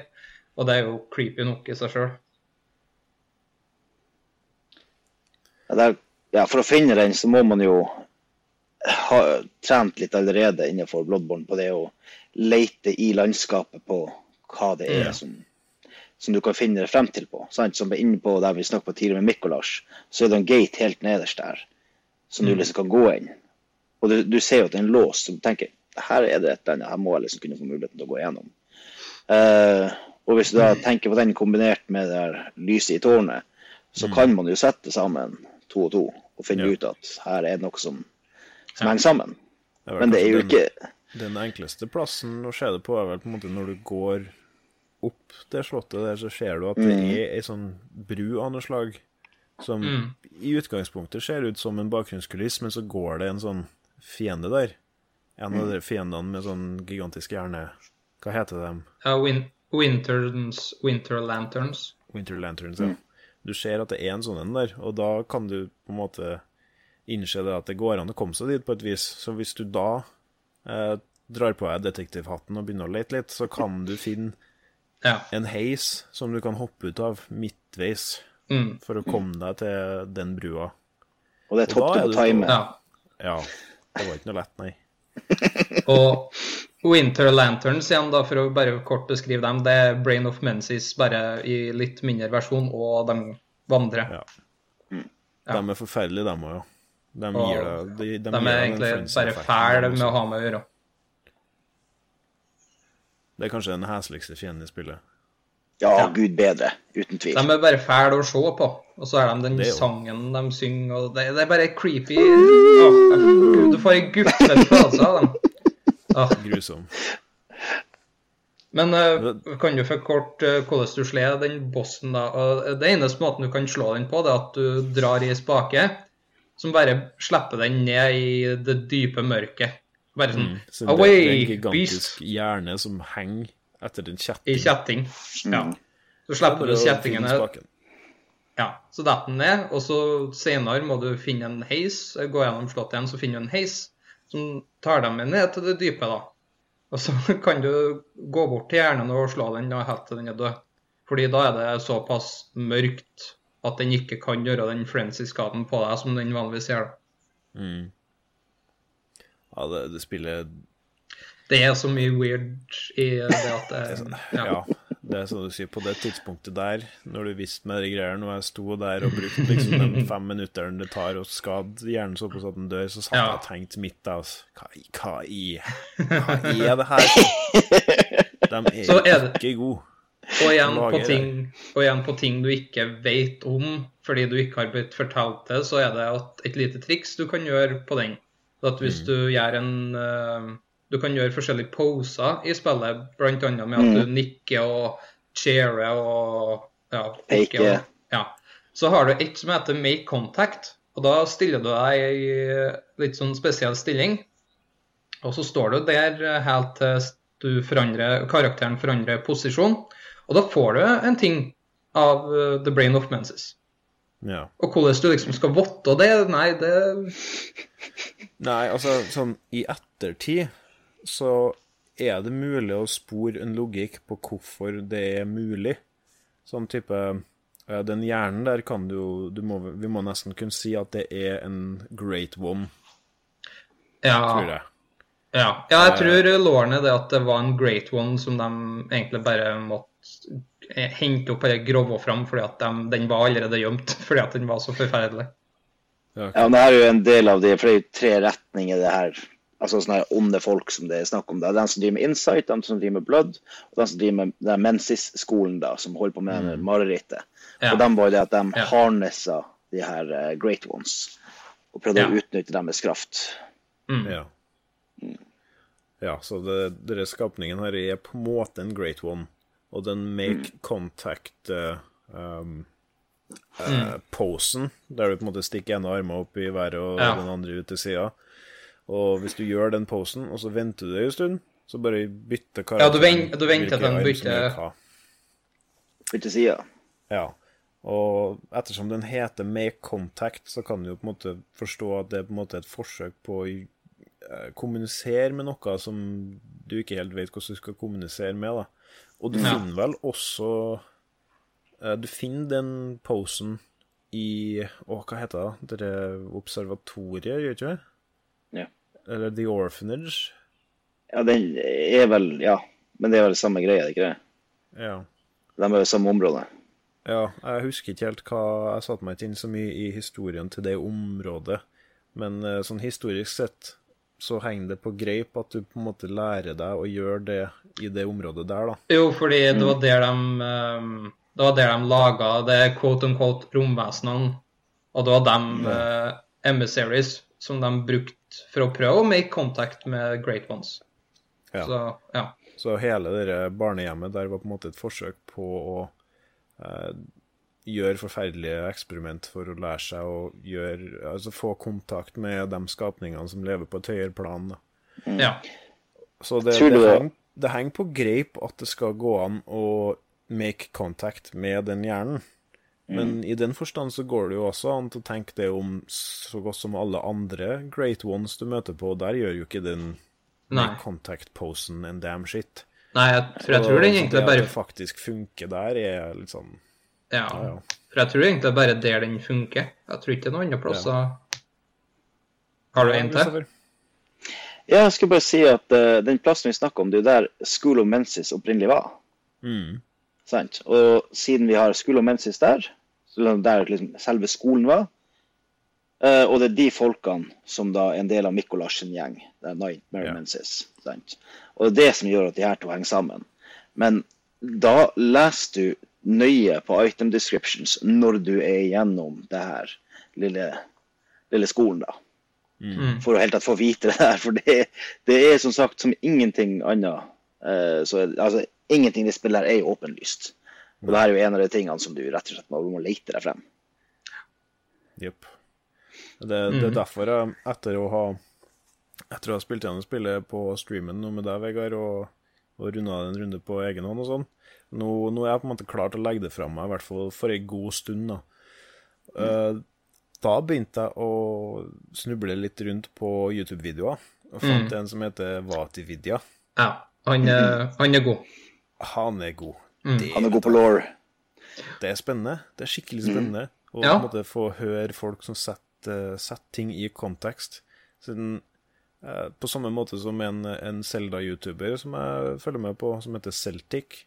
Han klar, det virker liksom som om han drar liksom sånn Zelda-teorier ut fra løse lufta, men så altså, driver han og etablerer Ja, liksom, men de er som regel kobla spesielt for med den hvorfor han har kommet med de teoriene, og da henger det på grip. Mm. Og det er i stor grad sant med Ja. Bloodborne, at de teoriene som han legger fram og forklarer, de, de er vektlagt og grunnlagt med faktiske ting i spillet. Så de stemmer, mange av dem. For eksempel um, Ja, for han, eh, han, tar ikke Han trenger nødvendigvis ikke å se på item description hele tida, fordi uh, hvis når f.eks. når vi går inn i kirka, uh, Grand Cathedral, og skal slåss mot um, Vicar Amelia Mm. det, Hvis du ikke får det med deg, så er det fullt av statuer på veien opp den trappa. Og haugene til den Ja. statuen er prikk lik amygdala-hodet. Mm. Så det, det er bare det å se på arkitekturen og ting i rundt deg som kanskje ikke er så tydelig, så kan det jo egentlig være med å fortelle ganske mye, hvis du på en måte klarer å trekke det opp imot noe annet støff du har funnet.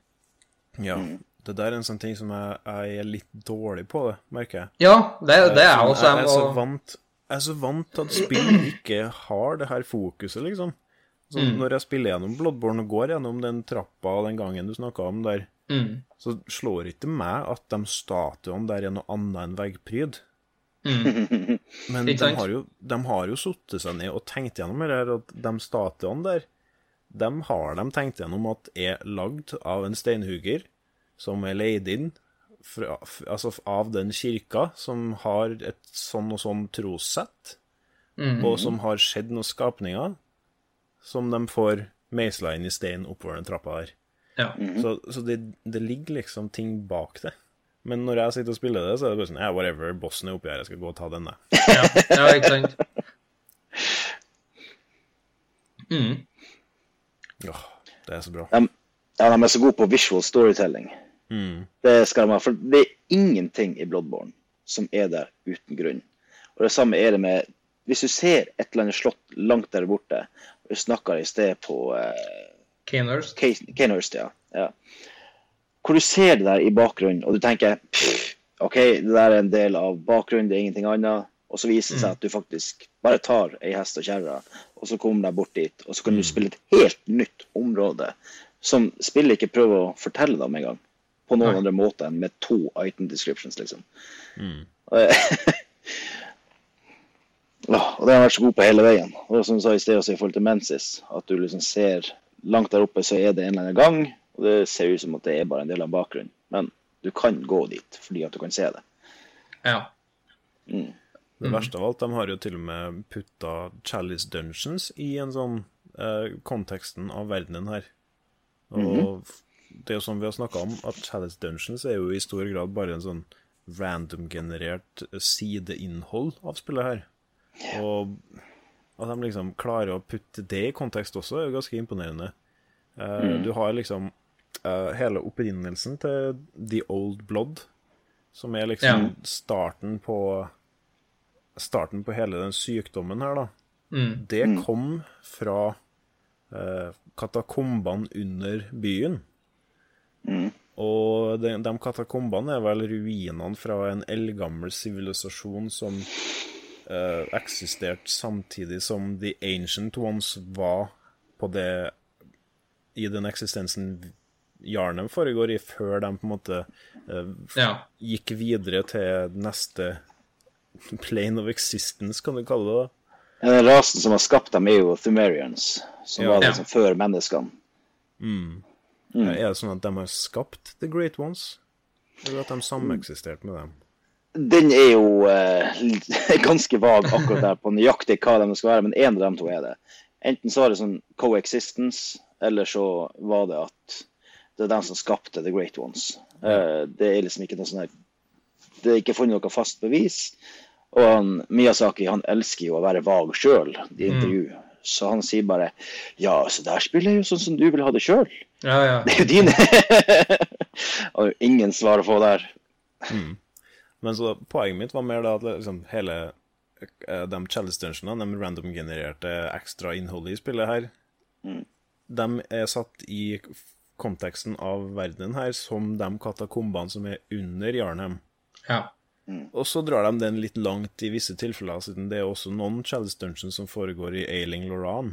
Ja, det er ikke er Lauren, det er ikke eh, land som er langt unna, som har gått under da, på grunn til at de holder på med the blood transfusion som Jarnam har holdt på med. Da. Så det er på en måte litt sånn uh, fram, uh, ja, du ser liksom hvordan Jarnam kan gå, da.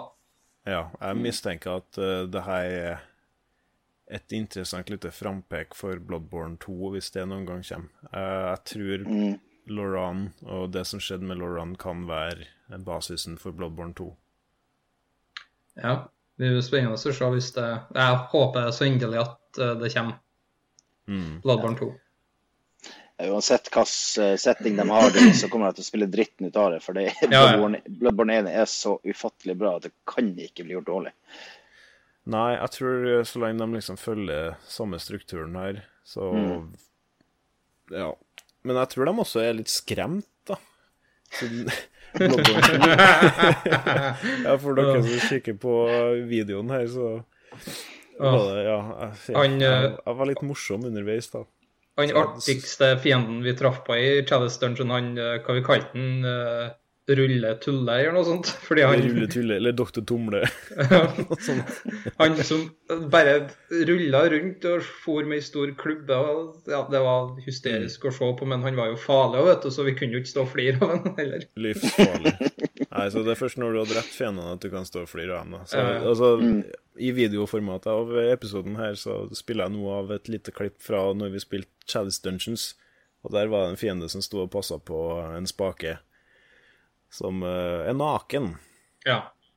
Som uh, tilfeldigvis døde i en sprikende posisjon. Så det var litt, litt for godt til å la gå fra seg. Det var ikke så mye å se, det var ikke så mye å se da, men han er jo Men det, det, var veldig åpenbart hva det var jeg liksom prøvde, prøvde å frem Voksen som jeg er. Ja, ja. Jøsse navn. Nei, Chalice Dungeons var jo Det var et strev. Det var et strev. Men det var veldig godt å ha hjelp der, da. Ja. Men altså, det som redder det, er at eh, selv om gameplayet Eller selv om verdenen i Chalice Dungeonene var repetitiv og i stor grad random-generert og forutsigbar, så er selve gameplayet fremdeles engasjerende uansett hvordan vi vrir og vender på det. Mm. Det spillet her er bare artig å spille uansett. Så ja. det hjelper. Men uh, hvis bare ta kort om det, for det tror jeg ikke vi har nevnt noe særlig. Men i løpet av vår playthrough, Rasmus, så mm. skjedde noen småartige ting, da, som f.eks. det at vi ble uh, invandert. Ja, av, uh, absolutt. absolutt. vet ikke om du kan bare fortelle ja. litt om det? Eh, det som er litt Jeg er litt glad for at vi spilte ja, ja. før det var for seint. Ja. Men uh, det som er litt greia med det spillet her, det har Det er alltid et tveegga sverd. Hvis du finner en ting som hjelper deg, så er det bare å holde øynene opp etter hva for en uh, side note, eller hva for en hake ved, den, ved, det systemet som er der, da. Og ved Coop så er haka ved å kunne tilkalle en Coop-partner det at først og fremst at det koster insight, men også det at du da er online, og spillet ditt kan invaderes av andre spillere. Ja. Mm. Og der har du et aspekt av spillet som jeg ikke har fokusert på i det hele tatt, og det er player ikke, versus player. Ja, ikke jeg heller. Jeg har aldri vært borti mot noen mm. andre online-spillere, liksom. Og de, det, kan, ja. de, de, kan det de kan, og det er en grunn til at vi fikk problemer når det skjedde. Ja. og ja, de var mer forberedt på den kost, for de var aktive ut etter å invandere andre. da. Så de ja. visste på en måte hva de gikk til.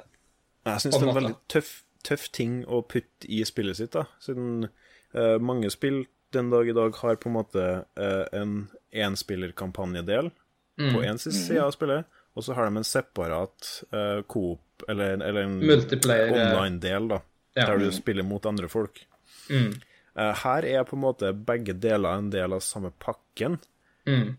Der du, du har måter å helle deg mer mot singleplayeren på enn andre deler. Men så når du spiller singleplayeren, og du kommer til et nytt område, så, og du spiller online-modus, så får du en beskjed om at det er ei dame, eller en fiende i den levelen her, som ringer ei bjelle. Mm. mm. Og Også... det fungerer som en åpen invitasjon for uh, spillere som har ringt ei spesifikk bjelle for å indikere at de er villige, eller de har lyst til å invadere andre spill og spille eh, kompetitivt mot andre spillere. Ja. Som er den tilnærmelsen til eh, egentlig online-modus. Eh, player versus player i andre spill, syns jeg. ja. Og det er kan være plagsomt, ja, men det er også en liten sånn ekstra spenning i hverdagen, da. Og der hadde Ja. vi en god kar vi, vi hadde med vel navn to Jeppe ja, O. ja, vi hadde to stykk, men det var han Jeppe som var mest eh, ja, Ja, vår demon, da. var- hva var det han andre den het? da? Han hadde jo et bra Nei. navn. kanskje. Ja, jeg kommer ikke på det akkurat nå, men Var det han som angrep dere opp der med rett etter Mikolas? Ja, der kommer Ja. Jeppe, vet du. Han hadde vel eh, plaget oss tidligere.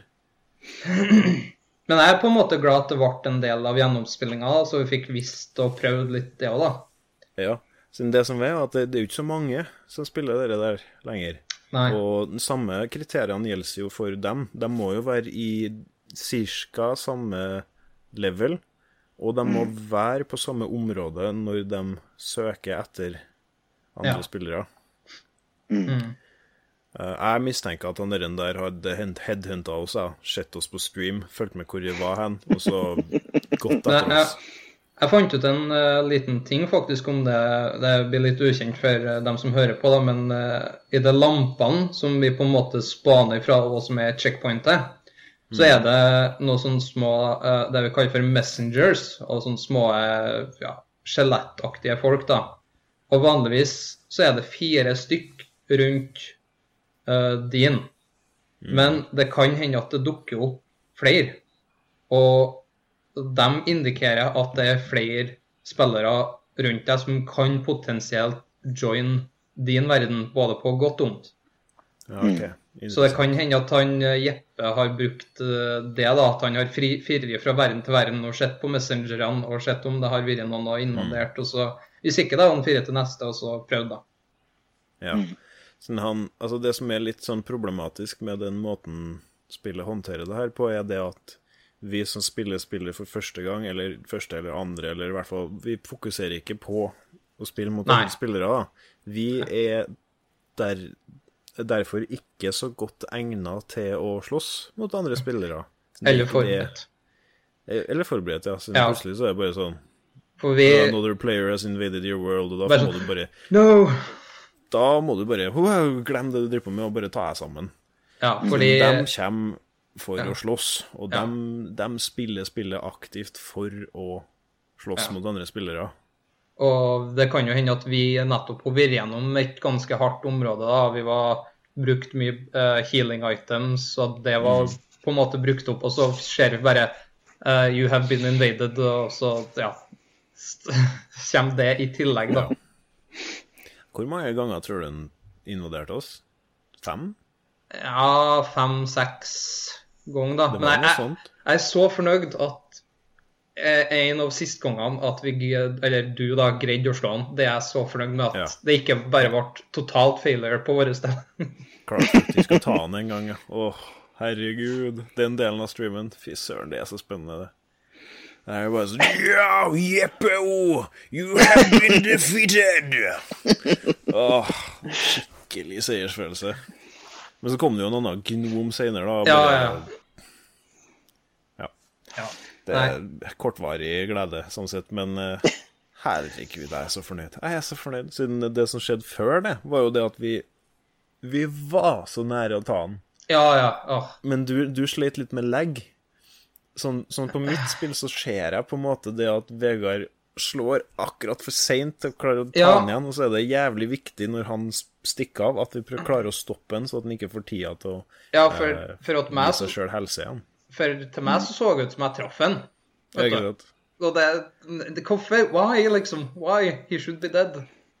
Og jeg ser hvor nære det er at du treffer, liksom. Ja. Og jeg ser hvorfor du ikke treffer. Oh, mm. Så han Ja. klarte å snike seg unna en ganske sikker død, da, og så ta oss Mm. på grunn av det der.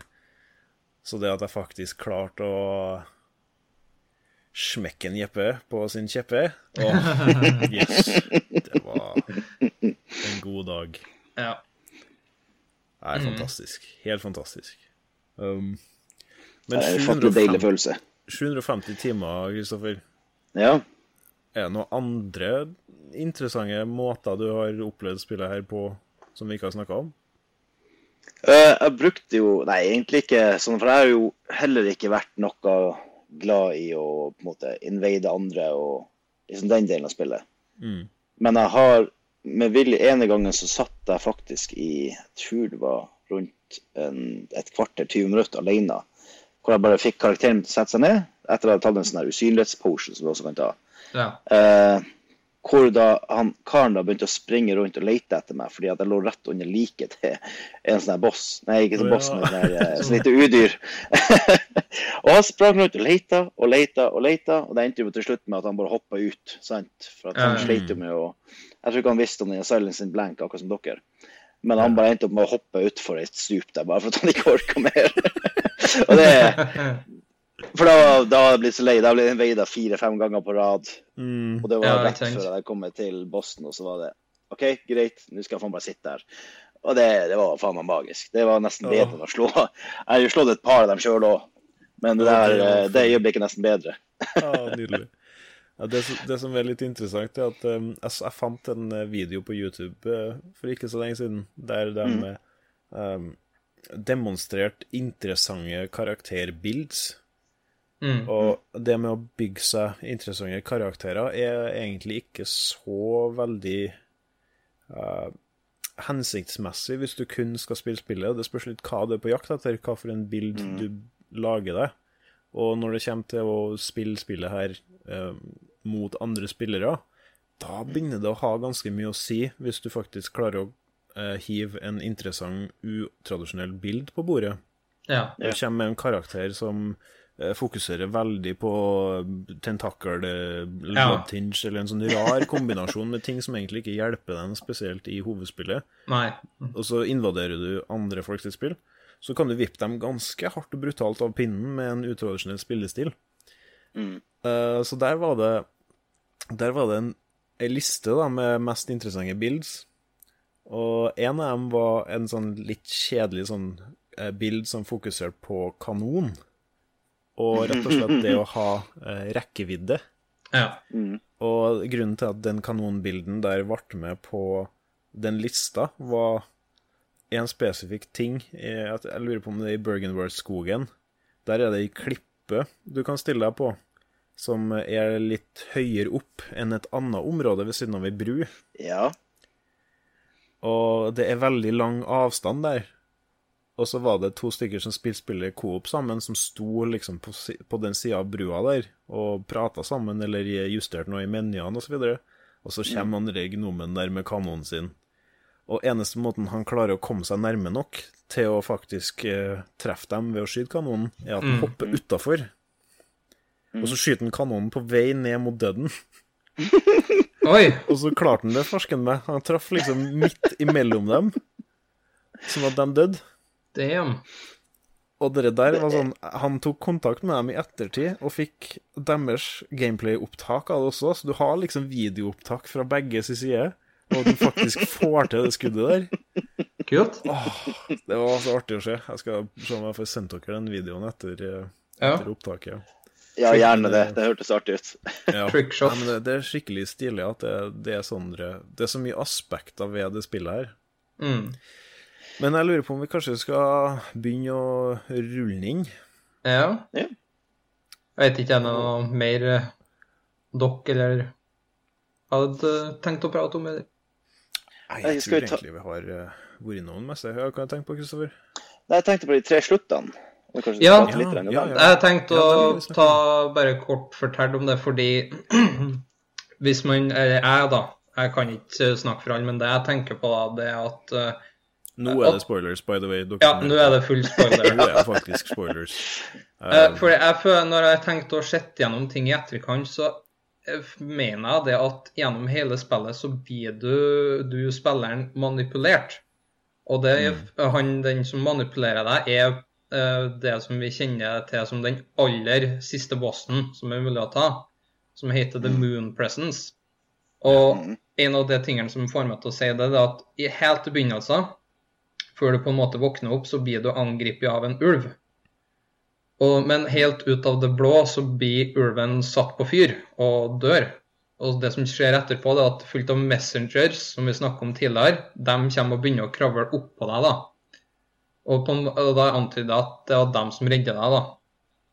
Og Ja. at uh, Det Og er så det er- som innlemmer deg i The Dream. Ja. Og så er det senere at uh, det er The Messenger som på en måte er en lamme lampene, som på en måte er checkpointene dine, og som hjelper deg Mm. og guider deg på veien og alt sånt. At, for lampene de hjelper jo deg veldig. Du har jo ikke greid spillet uten Ja. lampene. Uh, og de, kommer jo, og Messengers de har jo sin uh, De kommer jo fra The Hunter's Stream. Mm. Og så får vi jo senere vite at det er bare the old ones, altså the old gods, som klarer å skape og opprettholde en drøm. Mm. Men i The Hunters Dream så har vi aldri sett noe sånn great one, men det gjør vi på, helt på slutten, når vi møter The Moon Presence med sistbossen. En ting som jeg hadde litt lyst til å skyte inn, er for øvrig det at uh, det er fort gjort å avfeie dere The Hunter's Dream og det at du dør, og så kommer du tilbake dit, og så kan du fære ut i verdenen igjen, som Mm. bare en sånn spillmekanikk. Ja. Men det som er viktig å få med seg her, er at det er faktisk en del av historien. Mm. Du er en litt spesiell hunter, du, fordi Mm. du faktisk har den evnen til å komme tilbake igjen når du dør. Og Ja. hver gang du dør, så er det faktisk Du taper ikke spillet. Det er ikke en ny historie som begynner. Du spoler liksom Nei, nei. tilbake i historien. Det, det er en del av verdenen her, det at du gjenopplives Dør, av. The Hunter's Dream. Og det får du også litt inntrykk av uh, når du snakker med annet Eileen the Crow. Hun gir også inntrykk av at hun hadde vært en hunter of the dream. Men hun er ikke det nå lenger. Så det er tydeligvis Tydeligvis bare én uh, hunter per Eller, eller omgangen, da, som er en hunter Ja. of the dream. Men Ja. eh, den, det er en sånn drøm som blir vedlikeholdt av uh, den skapningen du snakka om, som du skal få lov til å fortsette å snakke om straks, Mm. som har en agenda som Mm. bruker hunters som et verktøy for å oppnå et mål, tydeligvis. Og så har de også han German inni der, som sitter fast inni drømmen, som brukes til et eller annet. Ja. Mm. For uh, jeg kan ta han German først. Han er på en måte han som geleider deg og hjelper deg med gjennom spillet da, og forklarer deg litt ja, hvor du skal gå og ja, han, han en, eh, virker til å begynne med som en god hjelper, da, en som faktisk vil hjelpe dem å eh, få til spillet. da. Eh, men uh, senere så viser det jo seg at han uh, German, han er en Det er han du på en måte skal møte etter du har tatt en boss, og den bossen er en old one. Mm. Og så når du etter du har tatt den bossen, så plutselig kommer du tilbake til Hunter's Stream, og huset du på en måte har vært i, står i fyr og flamme. Og det antyder det at den drømmen og den natta du har på en måte spilt i, da, den begynner å ta slutt. Og så sier eh, Ja, jeg vet ikke, nei, vi har ikke snakka så mye om dokka. Nei. Nei. Vi har ikke nevnt det engang. Ja, men det, uansett så vidt eh, Jeg kan jo nevne det fort, da, at den dukka er en, en sidekarakter i spillet som eh, blir levende når du får en insight, og det er den dukka du snakker med for å oppgradere, eller for å cashe inn den blood echosen du får i løpet av spillet. Så du må tilbake til drømmen og snakke med hun hver gang du skal oppgradere en personlig og egenskap og sånt. Ja, og level up. Ja. ja så snak, på slutten så snakker hun, du med hun, og så sier hun at du skal møte Gearman på en spesiell plass i drømmen som har vært på en måte lukka helt til slutten. ja. Mm. Og da gir German deg to alternativ. Eller ja, han anbefaler et alternativ, da. Og det er at han, at du, han skal få drepe deg. Og det betyr at du våkner opp ifra, Du blir kutta ifra drømmen, og du kommer aldri dit igjen, men du våkner opp ifra drømmen, og da får du den første Og hvis du lar det skje, da, så får du den første endingen som heter Jarnum Nei, Sunrise. Sunrise, Yarnum ja, Sunrise. Ja. Mm. Og da er det cutscene etter at han kapper av deg hodet. Så våkner du opp i Jarnam, og sola har stått opp, og det er liksom endingen, da. Mm. Uh, ending nummer to, som jeg anser på den ja, dårligste, da, det er at du slåss mot German og tar en bossfight mot han. Og ja, på en måte drepe han da, og på en måte gjøre han fri fra den drø uh, Hunter Stream som han har vært lenka fast i ja, gudene vet hvor lenge. Mm. Siden du som spiller kan på en måte Du slipper jo Ja. fri i ending nummer én, mens Ja. German, han er han, han er permanent sittende fast der, han. Han slipper Ja. ikke unna. Han er der helt til den skapningen som opprettholder drømmen, er ferdig. Ja. Og det trenger ikke nødvendigvis å være noe han blir ferdig med. Det, det, det vet vi jo, for det kan vi jo snakke litt mer om etterpå, men vi vet egentlig ikke helt motivasjonen til den skapningen som opprettholder drømmen.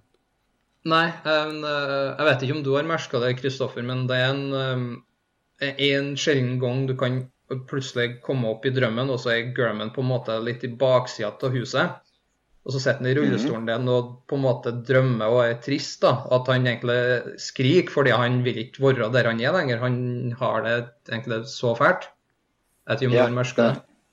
Jeg har hørt det, og så, eh, eller jeg har sett det, og så har han jo kommet med sånn her mumling, holdt jeg på å si. Ja. Sånn der drømmemumling, ja. hvor han liksom forteller at han vil bare ut. Ja. Og det som skjer da, etter du har drept German i den bossfighten, så revealer The Moon Presence seg, altså han kommer fram og uh, ja, den uh, skurken bak det hele da, angiveligvis kommer fram da, og det som skjer da, hvis du ikke ja, Skal bare nevne det at uh, Moon Presence er da Pale Blood, hvis du ikke visste det. Ja. Det er den, det er den vi har søkt etter hele tida. Oh, ja, Det, det er liksom okay. interessant. Det der, så det der er en ting som har forsvunnet litt i translation, har jeg sett. Siden han youtuberen jeg har snakka om tidligere, han, eh, har, han har en liten video om ting som er lost in translation. Og der er det en liten formulering som fungerer bedre på japansk, som indikerer at pale blood er et navn. Å ja. Eller Ja. vent, er det det? Ja, var, det pale blood den het? Jeg er helt sikker på det. Mm. Uh, ja, kanskje. Men uh, Moon Ja. ja, jeg. Jeg skal bare fortsette med de tre endingene. Og da er det ene endingen at uh, Moon Presence bare omfavner deg i tentaklene sine, og du blir basically den nye German som sitter i rullestolen og frakter rundt og dokker. da. Og da, ja Nei, da begynner det en ny hunt og en ny natt om igjen, da. Og så er basically sirkelen opprettholdt, da. Selv om du drepte German, så er du den nye slaven i drømmen, da. Og så kommer vi til den tredje og siste endingen, da, som er Ja, den får du tenke på hvordan, om den er bra eller ikke, men da er det sånn at hvis du har på en måte funnet tre umbilical cords i løpet av spillet, og spist dem Det er navlestrengene til Ja. forskjellige. Ja. ja, ja. Hvis du har spist dem, så på en måte påvirker det Da virker det som at du har blitt såpass opphøya at når Moon Presence prøver å gjøre det tentakelangrepet på deg og gjøre deg til en New German, så funker ikke det for en eller annen grunn. Altså, du, Han blir på en måte pusha vekk. Og da starter bosskampen mot The Moon Presence, da. Mm. Og det som skjer etter du har slått The Moon Presence, det er at eh, dokka eh, går fram og plukker opp ei på en måte, jeg vet ikke hva vi skal kalle det, eh, larve eller eh, år. Snegl. Ja. En Du snegl. typ- du blir ei hellig snegle. Ei Ja. gudesnegle. Ei For- baby-gudesnegle. For dere sier da bare sånn Oh, good hunter, og så ja. Det, det antyder at den snegla er deg, da. Yep. Ja, og du kan se på det om er det positivt, fordi The Moon Presence er jo borte, men ja. Ja, altså det spørs, det spørs helt på hva de bestemmer seg for å gjøre med det, om noe. Jeg mistenker at de sannsynligvis ikke kommer til å touche på det igjen. jeg. Tror, det, jeg tror de kanskje kommer til å gi Hvis de lager mer Bloodborne, så mistenker jeg at de kommer til å droppe noe hint som gir oss bedre innsikt i eh, kanskje den prosessen som foregikk der. Men akkurat det som skjedde med Hunteren i Yarnum og i Bloodborne Ja. Og hvordan det henger på greip at han ble, eller hun eller han, ble Ja, ja. en eh, Altså Old gikk God. forbi menneskeheten til å bli en ancient one. Og om den ancient one kommer til å ha positiv påvirkning på menneskeheten, kommer til å slutte med drømmen eh, Helt umulig å si. Det er jævlig Ja. vanskelig å si. Siden, altså, vi kan jo også bare anta at eh, Moon Presence gjør dere der for å bruke Hunters Ja. som et verktøy for å ta knerten på andre great ones. Det var det egentlig som er teorien min, da, fordi etter uh, du på en måte har hatt din rampage da gjennom Jarnum og drept alle bossene og the old ones inkludert, det er først etter du har drept en sånn en at drømmen tar slutt. At du på en måte Din oppgave er nå fullført fordi du har drept den gamle guden som Moon Presence ville ha kvitt, ja. Mm. Fordi det, det virker ikke som at The Old Ones spiller på lag, på en måte, fordi de er på en måte ikke én samme rase, de er forskjellige skapninger. Jeg vet- Ja, men det, det er jo bare spekulasjoner og alt det her, så Ja. Det er ikke så godt godt å si. Veldig åpent. mm. Nei, men det var i hvert fall det jeg ville fortelle. Mm. Så får dere Mm. Hadde du noe du skulle si, Kristoffer? Det var jo eh, det med slutten som jeg var viktig. Og så har vi ikke snakka så veldig mye om The Healing Church. Nei, Når vi først er på spoiling. Ja. Uh, det er veldig vi skal være, Vi prøvde å touche litt ta det på det. fort. Eh, Ja. ja, jeg kan etablere bare Altså, det med katakombene under under byen, Mm. det var der de Det er noen gjenlevninger fra det som skjedde der, det med The Ancient Ones og The Themerians og sånn. Det var uh, en hel folk, en hel haug med folk, som Tomb Prospectors, eller gravrøvere, som fant de katakombene. Ja. Og etter hvert da også noe som en substans som kalles the old blood. Mm. Og helt hva old blood er, det blir vel egentlig ikke helt etablert, men det er vel noe som er brukt Eller enten så er det direkte blodet til ancient ones, eller så er det noe som er brukt i prosessen med å få dem videre til eh, et nytt plan av eksistens, da, et eller annet sånt. Uansett så var det blodet der en slags mirakelkur, fant de ut. Ja. Og da bestemte de seg for å kapitalisere i stor grad på The Old Blood. Mm. Og det er da The Healing Church blir skapt. Ja, og da var det han uh, Lawrence som jeg snakka om, han bossen som jeg sleit med. Det var han som start, kickstarta det der, da. Ja. Ja, med Willem var det vel. Ja, med- ja, ja Master Will. ja. Og hele opplegget der, at han William og han Lawrence eh, Det indikeres vel litt fort i spillet, eller i løpet av spillet, at det er en splid imellom Dem, ja. William og Lawrence. Det er faktisk en hel cutscene for deg, etter du har slått Vicar Amelia. Ikke sant? Og det er egentlig mer fokus på story enn det spillet stort sett har. Så den Mm. splittelsen der er relativt viktig for historien. Og det er han Wilhelm, han, han har sett tegn på The Great Ones, og at det er noe forbi vår fatteevne. Og han har en viss oppfattelse om hvordan man skal klare å få menneskeheten forbi eh, rekkevidden den har nå, da. Så han har jo egentlig relativt greie mål. Og han eh, Wilhelm, nei, han eh, Lawrence, Lor Lawrence. som finner The Old Blood, han ser jo potensialet i det, Ja. og velger å følge det blindt, samtidig som Wilhelm er litt mer eh, urolig for hva det kan føre til, da. For de har, jo, de har jo det slagordet de sier da, som er 'Fear the old blood'. Mm. Mm.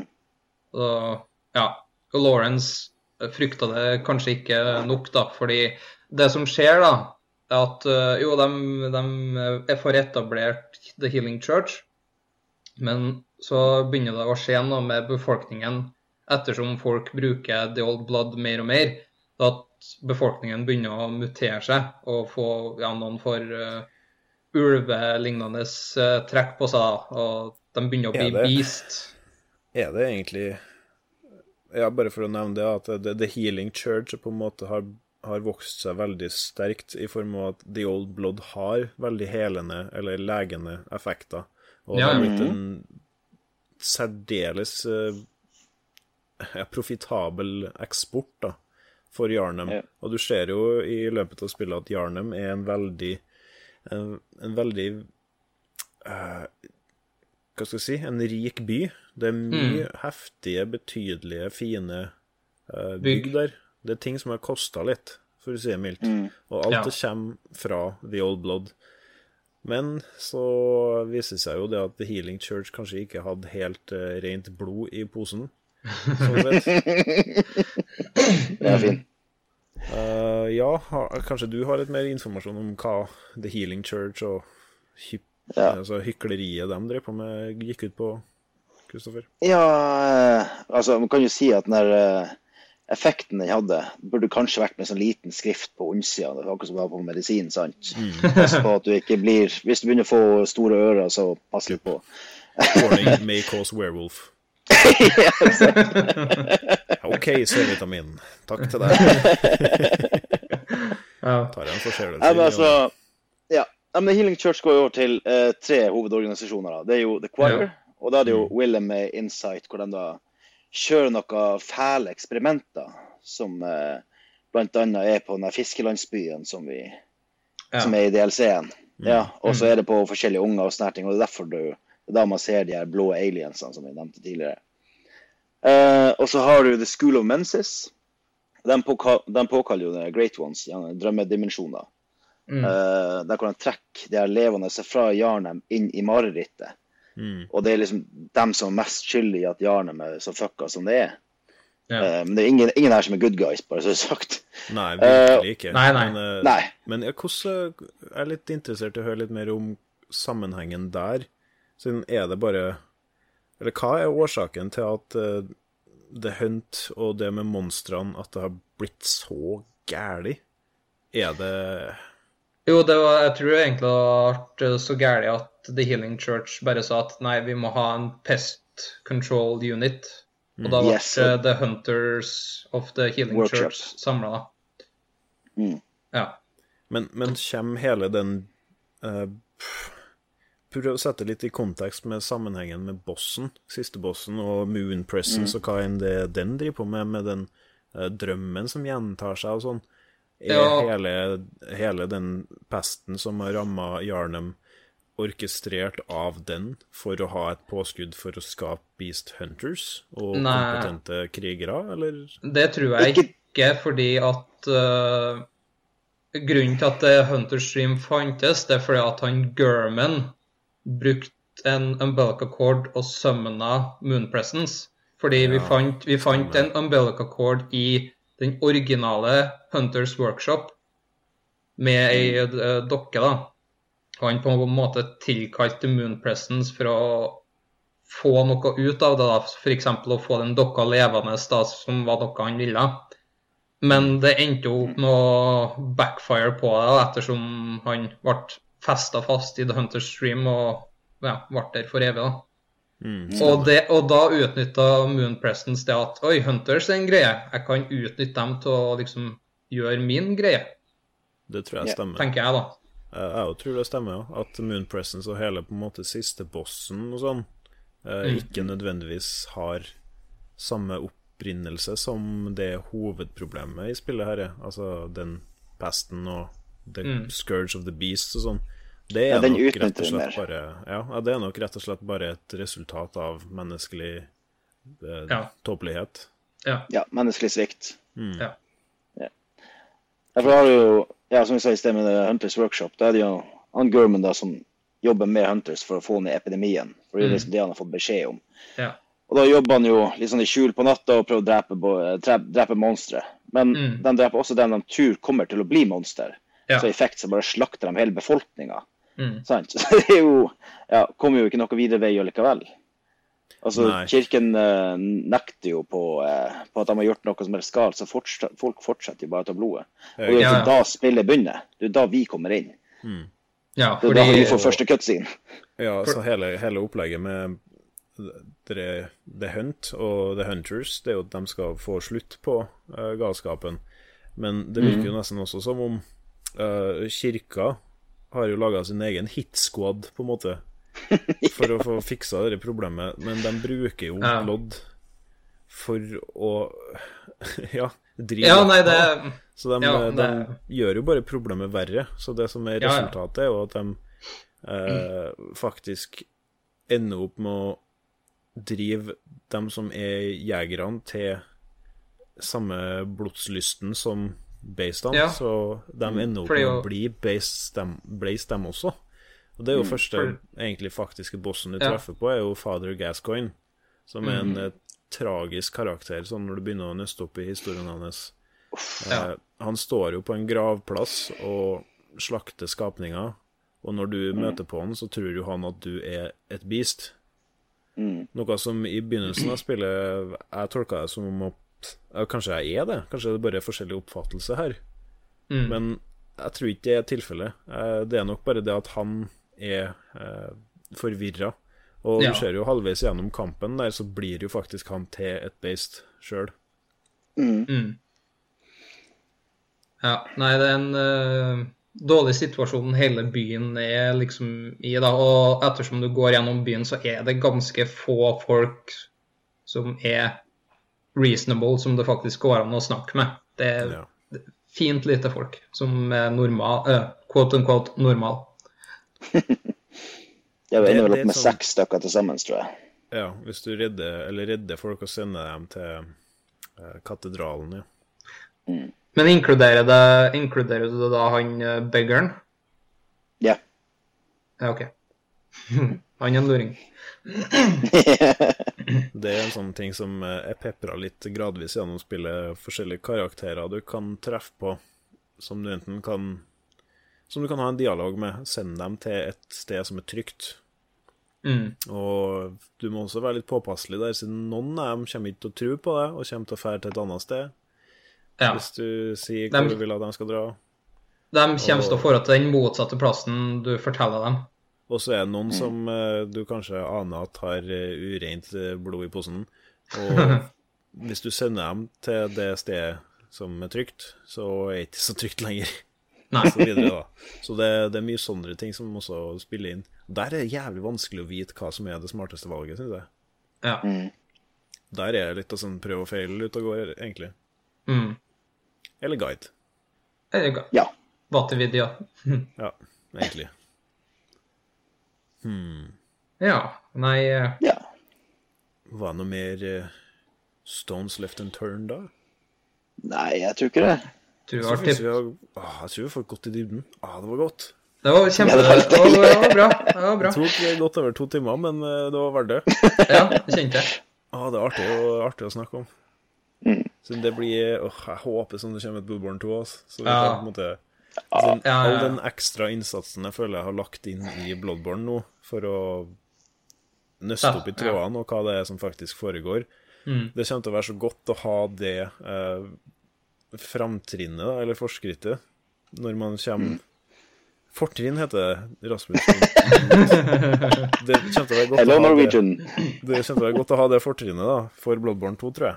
Men Ja. samtidig så blir det nok, hvis det noen gang kommer Lov å håpe. Ja. Eh, så kommer nok det også til å være kryptisk og vanskelig å forstå, uansett hvor godt forberedt man forventer man er. Ja, ja, ja. Det kommer til å være typisk From Software at det finner ut av ting sjøl. Er det bare en eh, liten ting jeg kan si da, om hvor kryptisk og fæl de kan være? da? Det er bare sidespor, da, men i Dark Souls 2 så er det du får, I likhet med Bloodborne så skaper du en karakter, og du får velge ett item å ha med deg. Og Det kan f.eks. eksempel være alt fra en nøkkel du kan bruke til å åpne en shortcut, eller en ekstra flask du kan ha med deg. Men så han Miyazaki han sa at ja, nei, jeg velger alltid den ene itemet, den steinen der. Og så ja, hvorfor gjør du det, da? Nei, det får dere finne ut av. Og folk snudde hver en stein. De gjorde alt sammen med den steinen. De for overalt, prøvde alt mulig. Og mange, mange mange herrens år etterpå så sa han bare sånn Haha, fooled you! Den gjør, den gjør ikke en skit. Den bare er der. Det er bare stein. Ja, det er bare en stein. Det er en liten luring av det der. kanskje. Ja, ja. Han elsker det. Han elsker det, så vi kan kanskje forvente noe sånt, da. Ja, spørs det. Nei, men da tror, jeg, da tror jeg vi må si takk for oss. Altså. Det her var Ja. kjempeartig. Jeg Ja. håper, håper dere som hørte på, syns det var greit også. Eh, Det blir jo Det ble jo kanskje litt annerledes episode her, da, men det blir en vanlig episode så snart som vi får til.